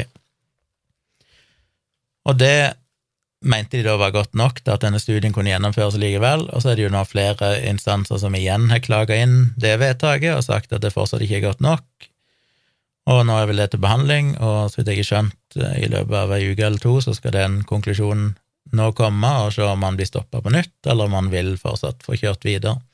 Så det er jo et sammensurium, hele de greiene. Og så er det da Recovery Norge, som jeg snakket om tidligere, som ble starta av eh, Henrik Fugt, som jeg hadde som gjest i en tidligere episode av podkasten her. En ganske, hva skal vi si, oppheta diskusjon der vi ikke helt kom til enighet. Og jo mer jeg leser om Recovery Norge, og jo mer jeg ser, så blir jeg, jeg blir, sånn et halvt år seinere nå, eller det nærmer seg et år siden den episoden, så blir jeg bare mer og mer oppgitt på at det fortsatt er mulig at det er oppegående folk som kan støtte dette. Jeg kan ikke fatte det. Og jeg skal ikke gå inn i spekulasjoner om intensjoner, om at det, var, det ble oppretta for å omgå lovverket og sånn om alternativ behandling, og, og, hvem som eventuelt om det er økonomiske interesser i det sånn. Der, eh, jeg vet ikke, der er det motstridende meninger, og jeg har ikke noen grunn til å anta at Henrik Vogt verken prøvde å omgå noe lovverk eller prøvde at han har noen økonomiske interesser i det. Ingen grunn til å mistenke at ikke han har de beste intensjoner, at dette er noe han genuint brenner for og mener er viktig. Det jeg, jeg ikke liksom Jeg vet han har fått mye kritikk for å ha skjulte motiver og sånn, det skal ikke jeg gå inn på eller støtte opp om, for det vet jeg ingenting om. Og jeg tenker at det er fullt mulig at dette er noe han gjør av de beste intensjoner. Men allikevel så syns jeg det er så idiotisk. Fordi det å ha et Altså, Recovery Norge er jo basically en database eller en nettside som bare har historier for folk som har vært syke og blitt friske igjen gjennom bruk av forskjellige eh, Ja, jeg vet ikke hva som er fellesnevneren, men forskjellige ikke-medisinske behandlinger, der Lightning Process utgjør en god del av de. Og så vidt jeg vet, er det en 40 eh, pluss-minus 40 eller en sånn historier der for folk som sier de er blitt friske av Lightning Process. Og som jeg har sagt tidligere, Live Landmark skryter jo sjøl av at uh, hun er en sånn behandla opp mot 15 000, 10 eller 15 000 personer har vært på kursene hennes. Hvis du da har 39 historier, så er ikke det spesielt imponerende. Selvfølgelig regner jeg ikke med at alle positive historier ender opp på den nettsida, men den har jo eksistert ganske lenge nå, den har eksistert i flere år, og hvis de fortsatt ikke er klart å samle inn flere historier, så er det vanskelig å vite hva det egentlig skal bety. Selvfølgelig så kan en si at ja, men det vil jo bare være toppen av isfjellet. Ja, men det er jo ikke sånn du altså Ikke at de hevder at dette er forskning, men de bruker jo dette som et argument for at Lightning Process kan være en metode å bruke. Det ser en jo ifra mange av de som, som eh, både har vært med i dette her greiene og kommet med sine egne historier, har jo vært involvert på ulike måter med Lightning Process, enten at de er eller har blitt Lightning Process-instruktører og sånne ting. Og eh, Liv Landmark har jo promotert dette, har jo selv vært involvert i dette. Altså Det er folk som har direkte interesse av å vise at Lightning Process virker, men hvis det da er liksom 40 historier av 15 000 så er ikke det gode data. På den annen side så er jo de som er kritiske, laga sin egen nettside som heter LP Fortellinger, som skal da være fortellingene til de som sier at de er blitt dårligere av Lightning Process. Og det syns jeg jo teknisk sett ikke er en spesielt god idé, fordi det er jo å skyte seg sjøl i foten, for at de ender opp med å ha omtrent akkurat Jeg var inne og telte i stad, de har vel òg ca. 40 historier. Men da vil jo de lide under akkurat det samme problemet med ja, ja, hvis det ikke er mer enn 40 personer som har hatt en uheldig effekt av 15 000 som har gått der, så betyr jo det at dette er en veldig trygg behandling. Så jeg ser ikke helt poenget med at de, de som skal prøve å motvirke Recovery Norge ved å opprette sin antinettside, som egentlig bare er å skyte seg sjøl i foten, for da mister de jo alle argumentene de sjøl måtte ha mot Recovery Norge. Problemet med Recovery Norge er jo at argumentasjonen der er jo litt som under covid, med folk som har promotert Ivermektin eller hydroksyklorokin, altså det er ukontrollerte studier. Du har noen observasjonsdata som tyder på at noen ble bedre, men det er ikke noe god kontroll, en vet jo ikke egentlig hva som gjorde det. Eh, så har vi fått noen gode, bedre studier i senere tid som virker at selvfølgelig virker verken Ivermektin eller hydroksyklorokin mot covid-19. Men de samme promotørene holder jo på. De som har promotert Ivermektin mest, de holder jo fortsatt på og mener at dette er en mirakelkur, selv om alle data viser at det ikke er det. Og sånn er det jo med Recovery i Norge òg, altså vil de virkelig havne i samme sekken? Og som jeg sa når jeg snakket med han òg, eh, jeg kan fortsatt ikke se at dette er noe annerledes enn om du hadde oppretta ei nettside der folk som har brukt akupunktur, mener at det helbreder de. Ja, selvfølgelig vil du finne sannsynligvis hundrevis, kanskje tusenvis av mennesker i Norge som mener at de er blitt bedre av akupunktur. Det betyr ikke at akupunktur virker, og dette er skrevet ei hel bok om, som heter placebo-defekten, som nettopp forklarer hvorfor ikke vi kan trekke de slutningene, for det der er så mange psykologiske mekanismer, det er så mange statistiske misforståelser. Er primært så er jo placeboeffekt regresjon mot normalen, det er at folk over tid blir bedre. Kanskje de blir dårligere igjen òg etter hvert, men i perioder så er de bedre, og det siste de prøvde før de ble bedre, vil gjerne få æren for å ha gjort de bedre, selv om de kanskje har prøvd ti forskjellige ting, det bare var et spørsmål om tid før et eller annet sammenfalt i tid med at de gikk inn i en bedring. Pluss at ofte når folk søker disse behandlingene, så så skjer det samtidig som at de gjør andre ting. Legger om kosthold, skifter jobb, endrer et eller annet i livet sitt. Altså Det er så mange ting du kan ikke isolere. Det er det som er problemet med alle sånne observasjonsstudier. Så jeg skjønner ikke hvorfor de Jeg vet jo at uh, Henrik Fugt og andre sier at nei, selvfølgelig ikke dette noen vitenskapelige data, og de historiene som er der, er jo til og med ikke verifisert engang. Men hvorfor i all verden lager de det, da? Det er så sjokkerende hinsides idiotisk at jeg kan ikke fatte hva som er motivasjonen. Ja, kanskje han vil vel, kanskje han mener at ja, men det er viktig at disse historiene kommer fram, men som fagperson så burde han ha holdt seg for god til det. For det blir jo akkurat da, altså det er ingen forskjell på at du kan ta en virk, hvilken som helst kraniosakralterapi, rumpology, eh, whatever du måtte ha av alternativ behandling, og gjøre akkurat det samme. Hver eneste behandlingsform som finnes i verden, uansett hvor absurd den er, så vil du alltid kunne finne hundrevis eller tusenvis av mennesker som vil hevde at de gjorde de bedre. Men det er ikke sånn vi viser om noe virker eller ikke. Vi ser ikke om hydroksyklorokin eller ivermektin virker basert på at x antall pasienter ble friske når de ikke er kontrollert for noen ting annet, ja, men var det noen forskjell på de? Var det andre faktorer som spilte inn, fikk de annen type behandling samtidig? Med en gang du eliminerer de faktorene, og du kontrollerer for de variablene, så finner du ut at nei, det var visst ikke ivermektin eller hydroksyklorokin som virka likevel, det hadde ingen effekt. Og det samme gjelder her, det er helt fullstendig verdiløse data. Poenget for Henrik Vogt ser ut til å være at ja, men det er viktig at folk får et håp, at vi viser at det går an at ikke folk som har for eksempel ME, tenker at det finnes ingen løsning, jeg er dømt til å være syk resten av livet. Og så er det viktig, sier han, ja, men det er viktig å vise historier om at det er folk som har blitt friske. Men jeg kan ikke fatte at, at det er et godt argument, for det vil jo alltid være et akkurat like godt argument for å si at prøv homøopati. Hvis du har ME, gå til din lokale homeopat, gå på sukkerpiller i seks måneder, for det er jo folk som rapporterer at de har blitt bedre ved å gjøre det, og det er viktig at du beholder håpet. Det er viktig at du ser at det er mulig. Nei, det er altså så sjokkerende dumt, og det er så ødeleggende for alt som handler om vitenskapelig integritet, at jeg kan ikke fatte at det er folk som eh, Christian Gundersen som går ut og, og gir sin støtte til dette, en fyr som har skrevet ei bok som heter Snåsakoden, som eksplisitt kritiserer Snåsamannen, når dette her er nøyaktig det samme. Du kunne ha lagd en Snåsamannen Norway der du hadde hundrevis av fortellinger av folk som sa at 'jeg gikk til Snåsamannen, og han helbreda meg'.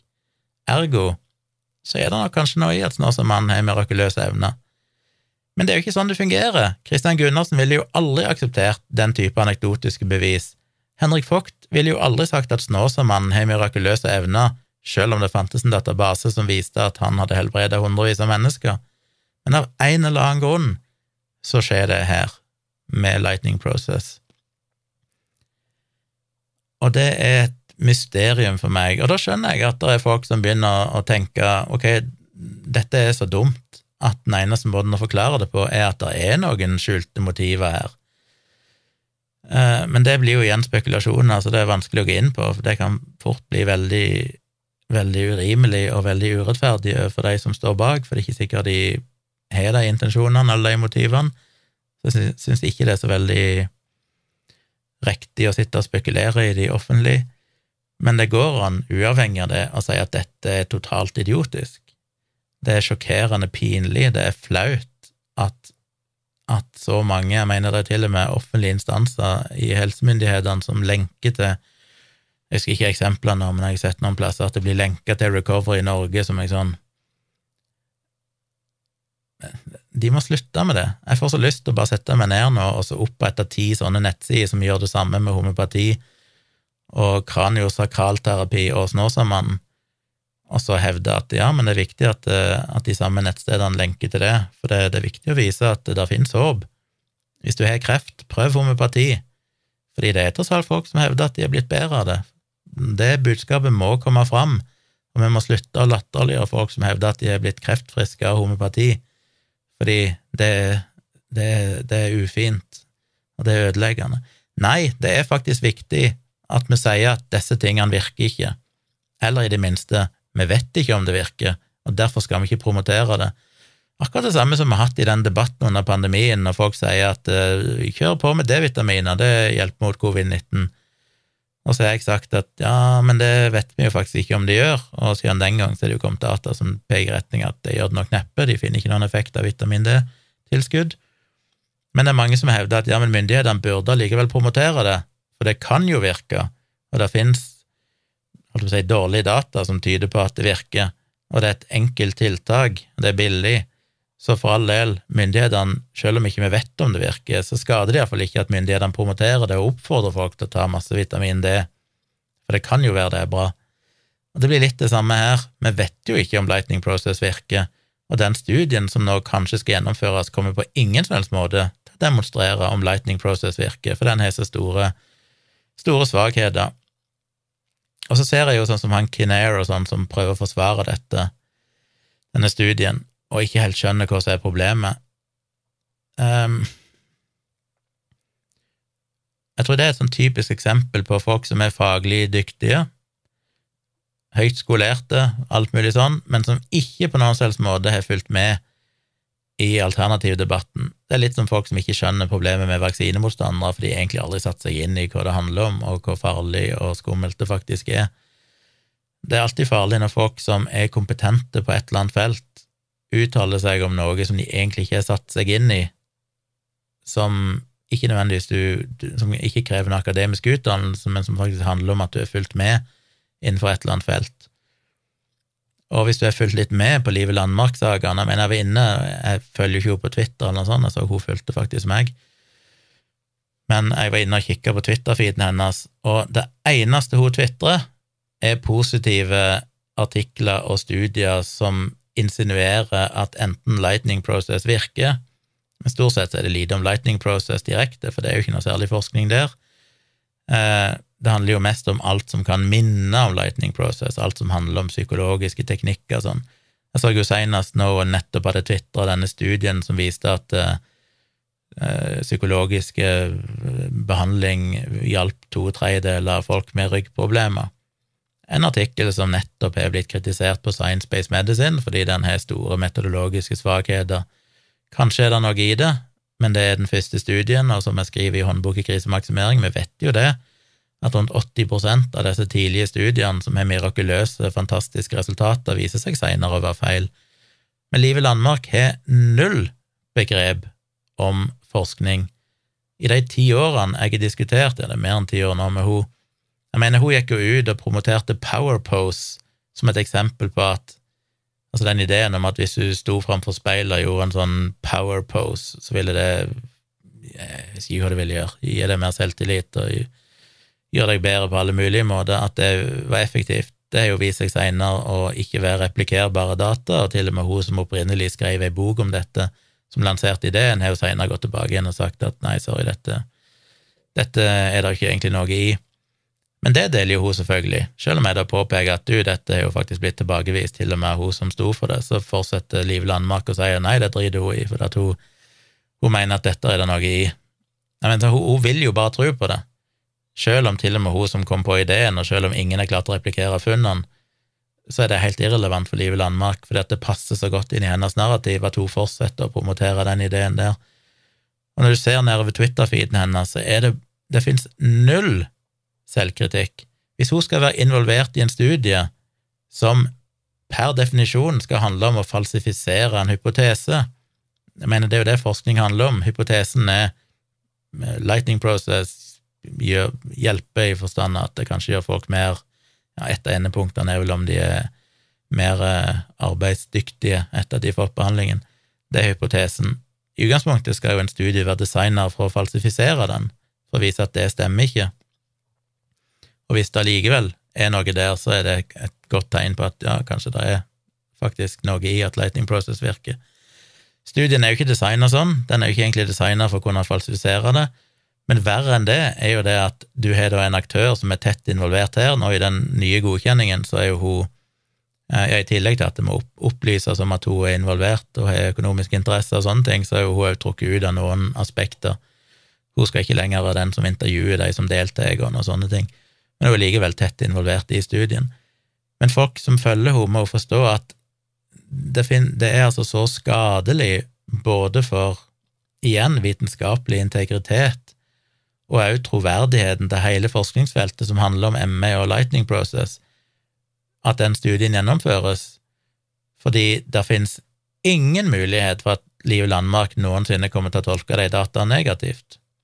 Jeg mener uansett hvilke data som kommer ut av dette, så kommer hun til å skvise et eller annet positivt ut av det, med at en eller annen subgruppeanalyse, eller hvis du bare så på deg og deg, så fant du at det For det er jo gjort hver eneste gang tidligere. Tidligere studier som ikke har vist noen effekt, så går hun ut, skviser et eller annet hårreisende tolkning ut av det, som viser at ja, men egentlig så virker det. Og dette må jo disse folkene forstå. Men det er det som er problemet, at hvis du bare forholder deg 100 objektivt til det, og ikke tar inn over det Det er litt som jeg snakket om med det er kanskje en sær analogi, men jeg rapporterte den der tweeten for en tid tilbake om, om, vold, og Twitter sier at nei, men dette ser vi ikke at bryter retningslinjene noe, fordi de bare ser på tweeten helt isolert, uten å forstå konteksten. Det er litt sånn her òg, hvis ikke du skjønner konteksten, Live Landmark, ikke bare hennes egne økonomiske interesser i det, men at hun har drevet på i 15 år og bare promotert dårlig forskning som skal bygge opp under ideen om at Lightning Process har noe for seg. Det fins ikke en eneste tweet som er selvkritisk, som sier at ah, kanskje dette ikke virker, kanskje disse studiene som viste at en eller annen psykologisk mental teknikk hadde en eller annen effekt, viser seg å ikke virke likevel. Kanskje er det problemer her. Ingenting sånn fins. Og det er jo, Twitter er som sagt så ofte dårlig forskning som blir plukka ifra hverandre andre plasser, at det er totalt analogt med de som promoterer ivermektin og hydroksyklorokin. Jeg kan ikke fatte at Henrik Vogt og Christian Gunnarsen og den gjengen, Kinnair og andre, vil ha noen ting med det å gjøre. De må jo ha vært såpass med i sosiale medier de siste 15 årene at de har sett at dette er en notorisk upålitelig person når det gjelder tolkning av forskning, og sin egen uavhengighet i dette her. Det fins null selvkritikk, det fins null vitenskapelig forståelse. Det er altså så deprimerende. Ja, nei, eh, en liten rant om det. Apropos hatefulle tweets, jeg fikk, ble jo gjort oppmerksom på her i dag at uh, den godeste Elin Gregusson, som noen av dere kjenner, ei dame som er notorisk på Twitter for å drive og eh, trakassere folk, så vidt jeg har skjønt. Jeg vet egentlig hva som har foregått, jeg har ikke fulgt med på jeg har ikke fulgt henne, jeg prøvde å unngå hun har tagga meg gang på gang på gang de siste årene, jeg har vel et par ganger svart men stort sett har jeg aldri latt meg lokke inn i å svare henne. Allikevel så tror hun at det virker som at hun tror at jeg er en av de personene som kontinuerlig driver og forfølger henne og et eller annet sånt, selv om jeg knapt jeg vet ikke hvem hun er, jeg har ikke fulgt med på hva det handler om, annet enn at jeg skjønner at det er veldig mange som snakker om henne, og har blokkert henne og ser på henne som spikka gæren. Eh, men hun klarte jo å dele et eller annet, en tweet her i, i, for et par dager siden, der det sto igjen trakk fram da en del skeptikere og delte en artikkel om en finanstopp og tidligere politikere som var dømt til å oppfordre til overgrep av barn, tror jeg det er tittelen jeg kutta her i screenshoten. Jeg tok en screenshot av den tweeten, av den Twitter-tråden. Og da skriver hun at eh, bla, bla, bla ja, overgriper også kommer fra høyere sosiale lag av befolkningen. Og så dukker det opp et svar under fra en som kaller seg for Jonny Larsen, med en sånn helt random Twitter-handle som har null følgere tydeligvis oppretta kun til dette formålet, og det innrømmer han òg. Og så skriver han et eller annet Hun gjør en jobb med å avsløre pedosvin. Jeg er i utgangspunktet ikke på Twitter, men ble tipset av min sønn. Jeg var ikke klar over at denne Tjomli, Ness og Berg er en del av et pedofilt nettverk som hun skriver om i sine tweet under. Og så fortsetter han. Hvis noen av dem er pedofile, så skal jeg sørge for at disse svinene får besøk hjemme. Min datter ble misbrukt av min onkel over flere år, hun blir neppe noen gang et menneske igjen, nå bor hun hos, hos sin mor. Jeg har sonet ett år og åtte måneder for at jeg sørget for at min onkel ble grisebanket. Det var straffeskjerpende for meg at jeg er kampsportutøver. Det var hårfint at jeg ikke ble drapsmann, men det hadde jeg tatt på strak arm. Hvis du har barn, så tror jeg du skjønner hva jeg mener. Dette er svin og drittsekker som forpester barns liv. Jeg har adressen til dem du nevner i greiene under på Twitter her Takk for at du avslører slike svin. Gi deg et tips når jeg har vært hos dem. Jeg kan garantere deg at ingen av dem vil våge å anmelde meg. Og så I seinere tweet så snakka han om at han eh, ikke skulle drepe noen, men han kunne jo brekke armene våre, og at han skulle komme på døra vår, og alt mulig sånn. Så det er jo to ting med det. Det ene er at jeg faktisk for første gang i mitt liv gikk inn til politiet sin tipstjeneste og tipsa om de tweetene og sa at uh, dette var jo direkte trusler om vold og potensielt drap. Han sier at han er truende til å drepe folk, og ikke uh, egentlig bryr seg så mye om det, om han må sone for det. Så jeg tipsa det rett og slett, og rapporterte òg tweetene til Twitter. og Det blir jo interessant. Jeg mener, hvis det er tweets her som sier at han skal komme på døra og ikke vet hvor vi bor, og han skal banke oss opp, hvis da Twitter fortsatt mener at det ikke bryter reglene om trusler om uh, fysisk vold, så begynner det Twitter-greiene å bli ganske uforståelig og meningsløst. Men jeg meldte det jo til politiet for moro skyld, ikke fordi jeg trodde jeg kom til å gjøre noe, men bare litt sånn hvis noe skulle skje, så finnes det en uh, dokumentasjon av de truslene. Jeg vet òg at andre som ble nevnt i disse tweetene, har gått inn og, og varsla politiet. Så en av de varsla politiets nettpatrulje eller sånn, og de sa at de uh, kjente til denne kontoen og mente at det burde rapporteres til Twitter, og det kunne eventuelt leveres en anmeldelse. Vet ikke hva som skjer med det. Jeg har ikke levert noen anmeldelse, men jeg har bare sendt inn et tips da, til generelt på politiet sine nettsider, som de sendte inn til Agder politidistrikt, siden jeg bor her jeg bor. Men det er jo litt eh, Ikke at jeg tror at det er noen som kommer til å gjøre noen ting, men det som jeg syns er interessant, er vel at folk som Elin Gregusson må snart begynne å forstå at det å ha drevet på i over ti år med å bare gjenta sine egne tweets, for det er det hun har gjort, hun sitter jo bare og deler screenshots av tidligere tweets hun har skrevet, stort sett, og forteller hvor fælt hun har det, og hvordan alle er mot henne, og insinuerer at vi da forsvarer pedofile, og kanskje er pedofile sjøl. At det går, det kommer til et punkt der når du driver med det lenge nok, så tiltrekker du deg voldelige personer, og som jeg har skrevet om i bloggen min tidligere, det er nok av saker Eh, inklusiv i Norge har det vært minst et par sånne saker, og også flere i utlandet, der folk er blitt drept fordi noen har spredd rykter om at de er pedofile, og så er det noen der som skal rydde opp i dette her. Dette er reelt farlig, og det er ikke Det er liksom ikke Det er ikke forsvarlig Jeg mener uansett hva hun mener at hun driver og kjemper den gode sak, så må hun skjønne at og selv om hun aldri sjøl går ut og sier at noen er pedofile direkte, så driver hun jo med den der eh, kunsten om å bare si akkurat nok til at de som er galne nok, vil tolke det som at å ja, Tjomli og, Berg og Ness og denne gjengen, disse skeptikerne, er del av et pedofilt nettverk, de skal vi banke opp, selv om hun aldri teknisk sett har sagt det direkte. Når du holder på i år etter år og insinuerer et eller annet, så går det ei grense. Det er jo akkurat det samme som, eh, som Kjetil Dreyer og denne gjengen har gjort i alle år. De sier aldri direkte at Tjomli er pedofil, men de er jo drevet med disse insinueringene om at uh, vi er pro-pedofile, og så. Og så er det da alltid galninger i de miljøene som da kommer og sier at ja, dette, disse folkene burde vært banka opp med balltre og drept og kastrert og alt mulig sånn. Så dette er farlig, og jeg vil hvis noen av dere har lyst til å gå inn og sjekke Elin Gregusson sin tweet, og gå inn og rapportere de tweetene, så må dere gjerne gjøre det. Hun heter Elin Gre1. Elin Gre, altså et ett-tall, på Twitter. Eh, de tweetene til Jonny Larsen bør rapporteres. Det er vel ganske mange som har rapportert de allerede, så hvis det skal skje noe, så skjer det vel noe, men jeg har jo rapportert Elin Gregusson et par av hennes tweets som kom med ganske grove beskyldninger hun har vel fått nok av eh, Facebook-kontoer og Twitter-kontoer stengt tidligere, så vidt jeg har skjønt, så det er vel ikke noe nytt for henne. Har sikkert mange backup-kontoer.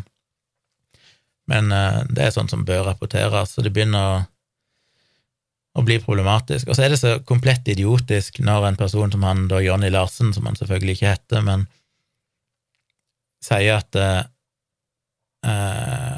at hans datter ble misbrukt av hans onkel over flere år, og nå bor hun hos sin mor. Og da er det litt sånn, ja, selvfølgelig har jeg sympati med han med at han opplevde det, men hvorfor bor denne dattera hos mora si? Kan det være at det òg er en slags overgrep mot ditt eget barn, at du faktisk da viser at jeg går og banker opp et familiemedlem så alvorlig at jeg nesten dreper det og havner i fengsel så jeg ikke kan se dattera mi på nesten to år fordi jeg sitter i fengsel fordi jeg er en komplett idiot? Det vil jeg si er et overgrep, det òg. Jeg sier ikke at jeg sammenligner det med et seksuelt overgrep, jeg bare sier at det er å være en veldig dårlig forelder som òg skader barnet ditt. Du skader barnet ditt hvis du setter deg i en situasjon der du ikke kan være i kontakt med dette barnet fordi du er så dum at du havner i fengsel, og du skader barnet ditt ved å faktisk bruke grov vold mot noen som hun da åpenbart kjenner. Så det er lite sympati. Jeg har sympati for dattera, jeg har ikke så mye sympati for denne faren, som da åpenbart er en farlig person, som nok dattera heller ikke bør bo hos. Eh, hun bør beskyttes mot sin onkel, og hun bør også beskyttes mot sin far, sånn jeg tolker det han skriver. Så, og det føler jeg er ganske gjennomgående med disse folkene som alltid skal være så harde mot pedofili, det er jo det at de stort sett er folk som nok bør holdes langt vekk ifra barn sjøl, ikke fordi at de er potensielle ville seksuelt misbrukt dem, men fordi de er voldelige og veldig ustabile individer som nok sannsynligvis har ganske mye issues og neppe fungerer spesielt bra som en forelder, og sannsynligvis skader barna sine på indirekte måter. Så det går veldig ofte igjen, og det gjør at det er vanskelig å sympatisere helt med den gjengen der. Men, eh, men ja, så sånn er livet når han har prøvd å, å delta i disse debattene på en konstruktiv måte.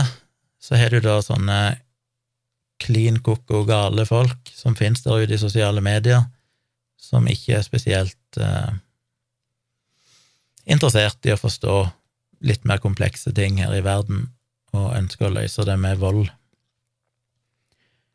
Det var vel de eh, viktige tingene jeg hadde å si i denne lange episoden. Jeg vil avslutte med å bare nevne at vi kjører en livestream i kveld, en 17. mai-spesial, meg og Tone sammen, som dere finner på min YouTube-kanal, som heter Tvilsomt med Tjomli. Den finnes også på Tone sin YouTube-kanal, som heter Tone Sabro. Vi streamer den òg på den eh, litt døde YouTube-kanalen som vi snart skal kanskje få litt liv i igjen, som heter Greit nok for en fisk. Ja, det heter han faktisk. Eh, som er en ganske morsom YouTube-kanal, der meg og Tone har lagt ut en del videoer tidligere der vi tester ut rare påleggskombinasjoner, vi tester ut uh, veldig ekkel snacks fra Japan.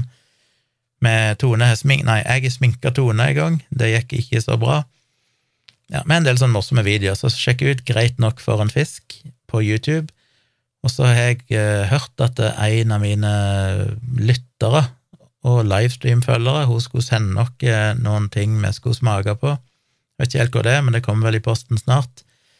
Så da blir det nok en ny YouTube-video der, på Greit nok for en fisk, der meg og Tone skal teste ut noen ting som vi får i posten, og hvis noen av dere som hører på, syns det hadde vært gøy, så tar vi gjerne imot tips til videoer vi kan lage, og hvis du har for eksempel noe ja, rar, eh, rart godteri fra der du bor, jeg vet ikke om det finnes så mye rare ting rundt i Norge, men hvis det er noen rare, sære ting du tenker at det hadde vært gøy om vi testa ut, så går det an å spørre meg om adressen, og så kan dere sende det i posten, og så tester vi det. Det hadde vært veldig, veldig kult å få tilsendt sånne ting. Eller hvis du kjenner noen i utlandet som har lyst til å sende noe. Vi er liksom ikke et internasjonalt eh, YouTube-marked siden vi snakker på norsk, så det er litt vanskelig å få folk i liksom eh, Australia og Japan til å sende noe snacks. Men kanskje du tilfeldigvis bor i utlandet og hører på denne podkasten, så hadde det jo vært veldig kult om du kjøpte noen rare ting i det landet der du bor, og sender til oss. Eller du kanskje er familiemedlem eller noen som bor i andre land, som kan eh, sende noe noe gøy. Det hadde jo vært utrolig kult å teste ut godteri, for eksempel, fra all slags land rundt i verden. Så eh, det hadde vi syntes var kult. Men det kommer snart en ny video der. Men der streamer vi òg livestreamen i kveld. Den går òg ut på Facebook-sida mi, som heter Saksynt. Den går òg ut på Facebook-profilen min, som heter Gunnar Kjomli. Og på Twitter-kontoen min, som heter Civix. Husk å følge meg på Twitter, CIVIX. Eh, det samme heter jeg på Instagram. Der heter jeg òg CIVIX. I tillegg til at jeg har en fotokonto som heter Tjomlifoto. Uh, det var mye, men vi streamer det altså mange plasser. Veldig kult om etter du har vært på 17. mai-feiring og alt dette her, og er sliten og trøtt, slenger deg ned i sofaen, fyrer opp YouTube-appen på mobilen eller på TV eller datamaskinen, og følger dere på livestreamen som starter klokka 11 på altså 17. mai kveld. Eh, det hadde vært veldig kult. Da kan du delta i livechat og sånn, stille spørsmål, komme med innspill og kommentarer eller bare se på helt passivt uten at vi i det hele tatt vet at du er der. I det siste så har vi jo sett på den tredje, det vel, er det ikke det, eller det fjerde, jeg husker ikke nå, sesongen av The Circle på Netflix. Den har de sluppet episodene puljevis i denne gangen, så det kom først noen episoder, og så var det sånn ukas pause eller noe sånt, og så kom det noen flere episoder. Og så er det noen dagers pause, og så kommer det vel den 18., altså i morgen, og så kommer de siste episodene og finalen. Og Um, ja, ikke dette fjerde sesong. Jeg mener jeg husker at jeg sa de to første var veldig bra, og så var den tredje litt nedtur. Så jeg tror dette må være fjerde. Ja. Det som er fascinerende i denne sesongen, er jo at Spice Girls er med, iallfall to av de, Scary Spice og Baby Spice, eh, er jo faktisk med, og det var faktisk ganske kult, må jeg si. Ingen av andre deltakerne visste at en av de folkene som var med, for de sitter jo i hver sine rom og kommuniserer bare via TV, og chat og sånne ting, og noen av de er da catfishes, noen av de er falske, de er ikke den de utgir seg for å være, mens andre er den de utgir seg for å være, og så blir de da stemt ut, og så alt, alt det der klassiske greiene. Men bak en av profilene så var det jo faktisk eh, to Spice Girls, som etter hvert ble eh, avslørt, og så fikk jeg noen av de møte de og sånn, og det var ganske kult, da, det var ganske stas at de syntes det var ja. Så ganske moro. Eh, jeg gleder meg til finalen, se hva som skjer. De endrer jo litt på det hvert år. I år, i de, iallfall forrige sesong, to forrige sesongene, så var det muligens alle de første sesongene, så var det veldig mye nye deltakere hele tida ute. Folk ble stemt ut, og så kom det hele tida inn noen nye, så det var liksom utskifting hele veien. Det har de ikke gjort denne sesongen. Denne sesongen er det bare kommet inn noen få nye, men det har vært færre utstemminger, så det er ganske få som er blitt stemt ut.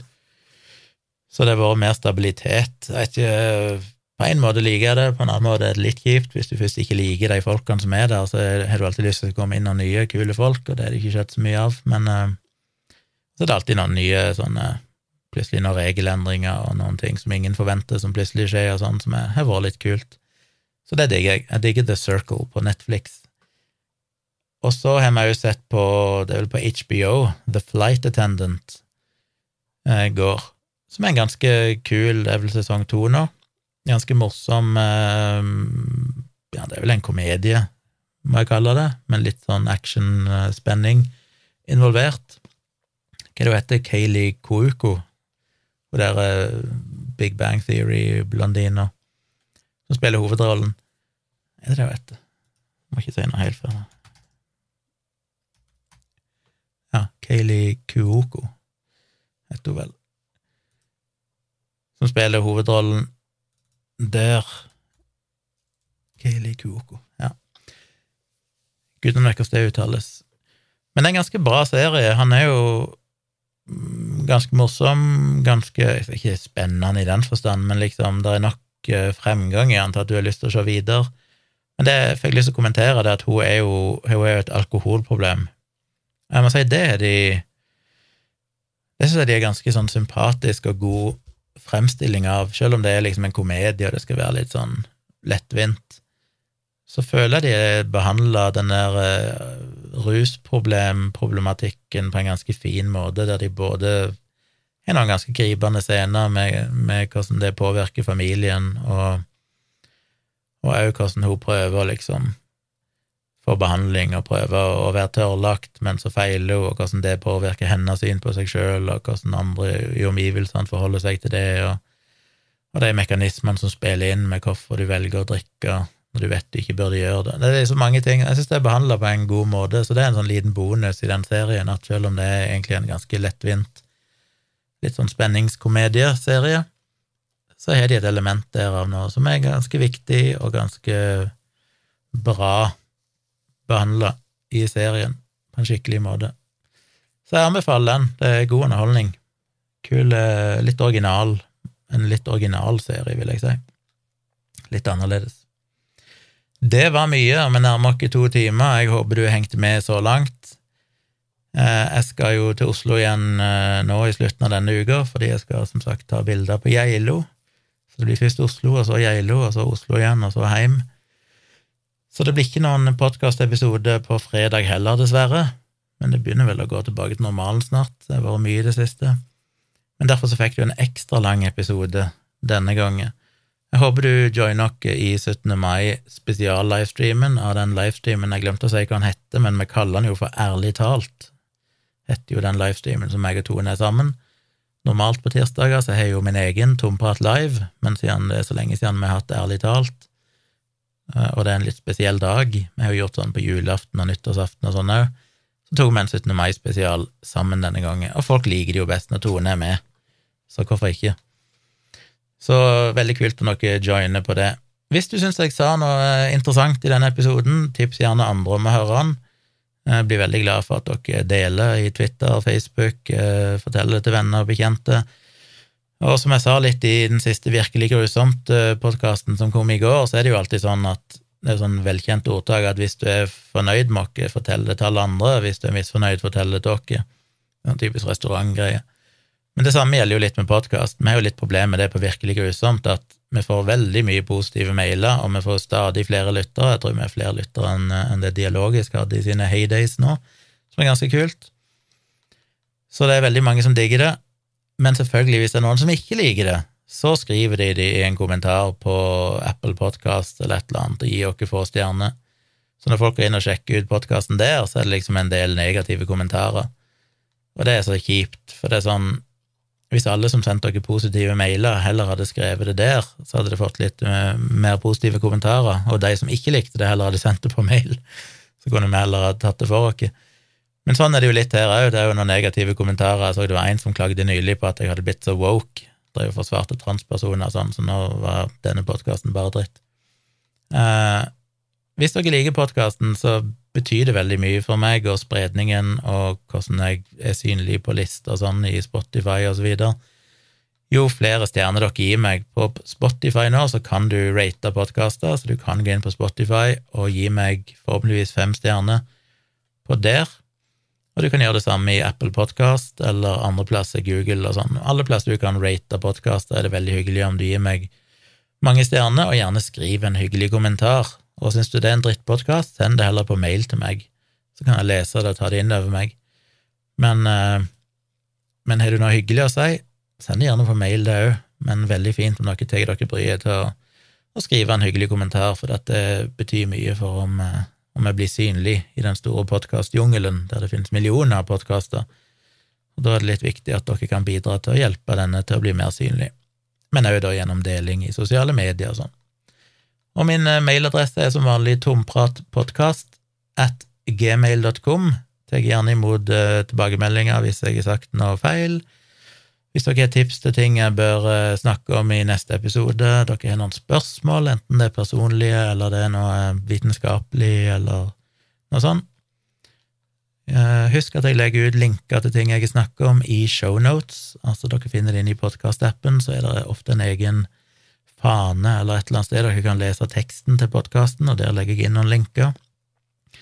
Og så, hvis du støtter meg inne på patrion.com slash tjomli, så får du denne podkasten helt uten reklame, og du får den òg ei god stund før alle andre, før den dukker opp offentlig, så ligger den allerede ute på Spotify, nei, ute på Patron til dere som støtter meg der, og det koster ifra 30 kroner i måneden og oppover.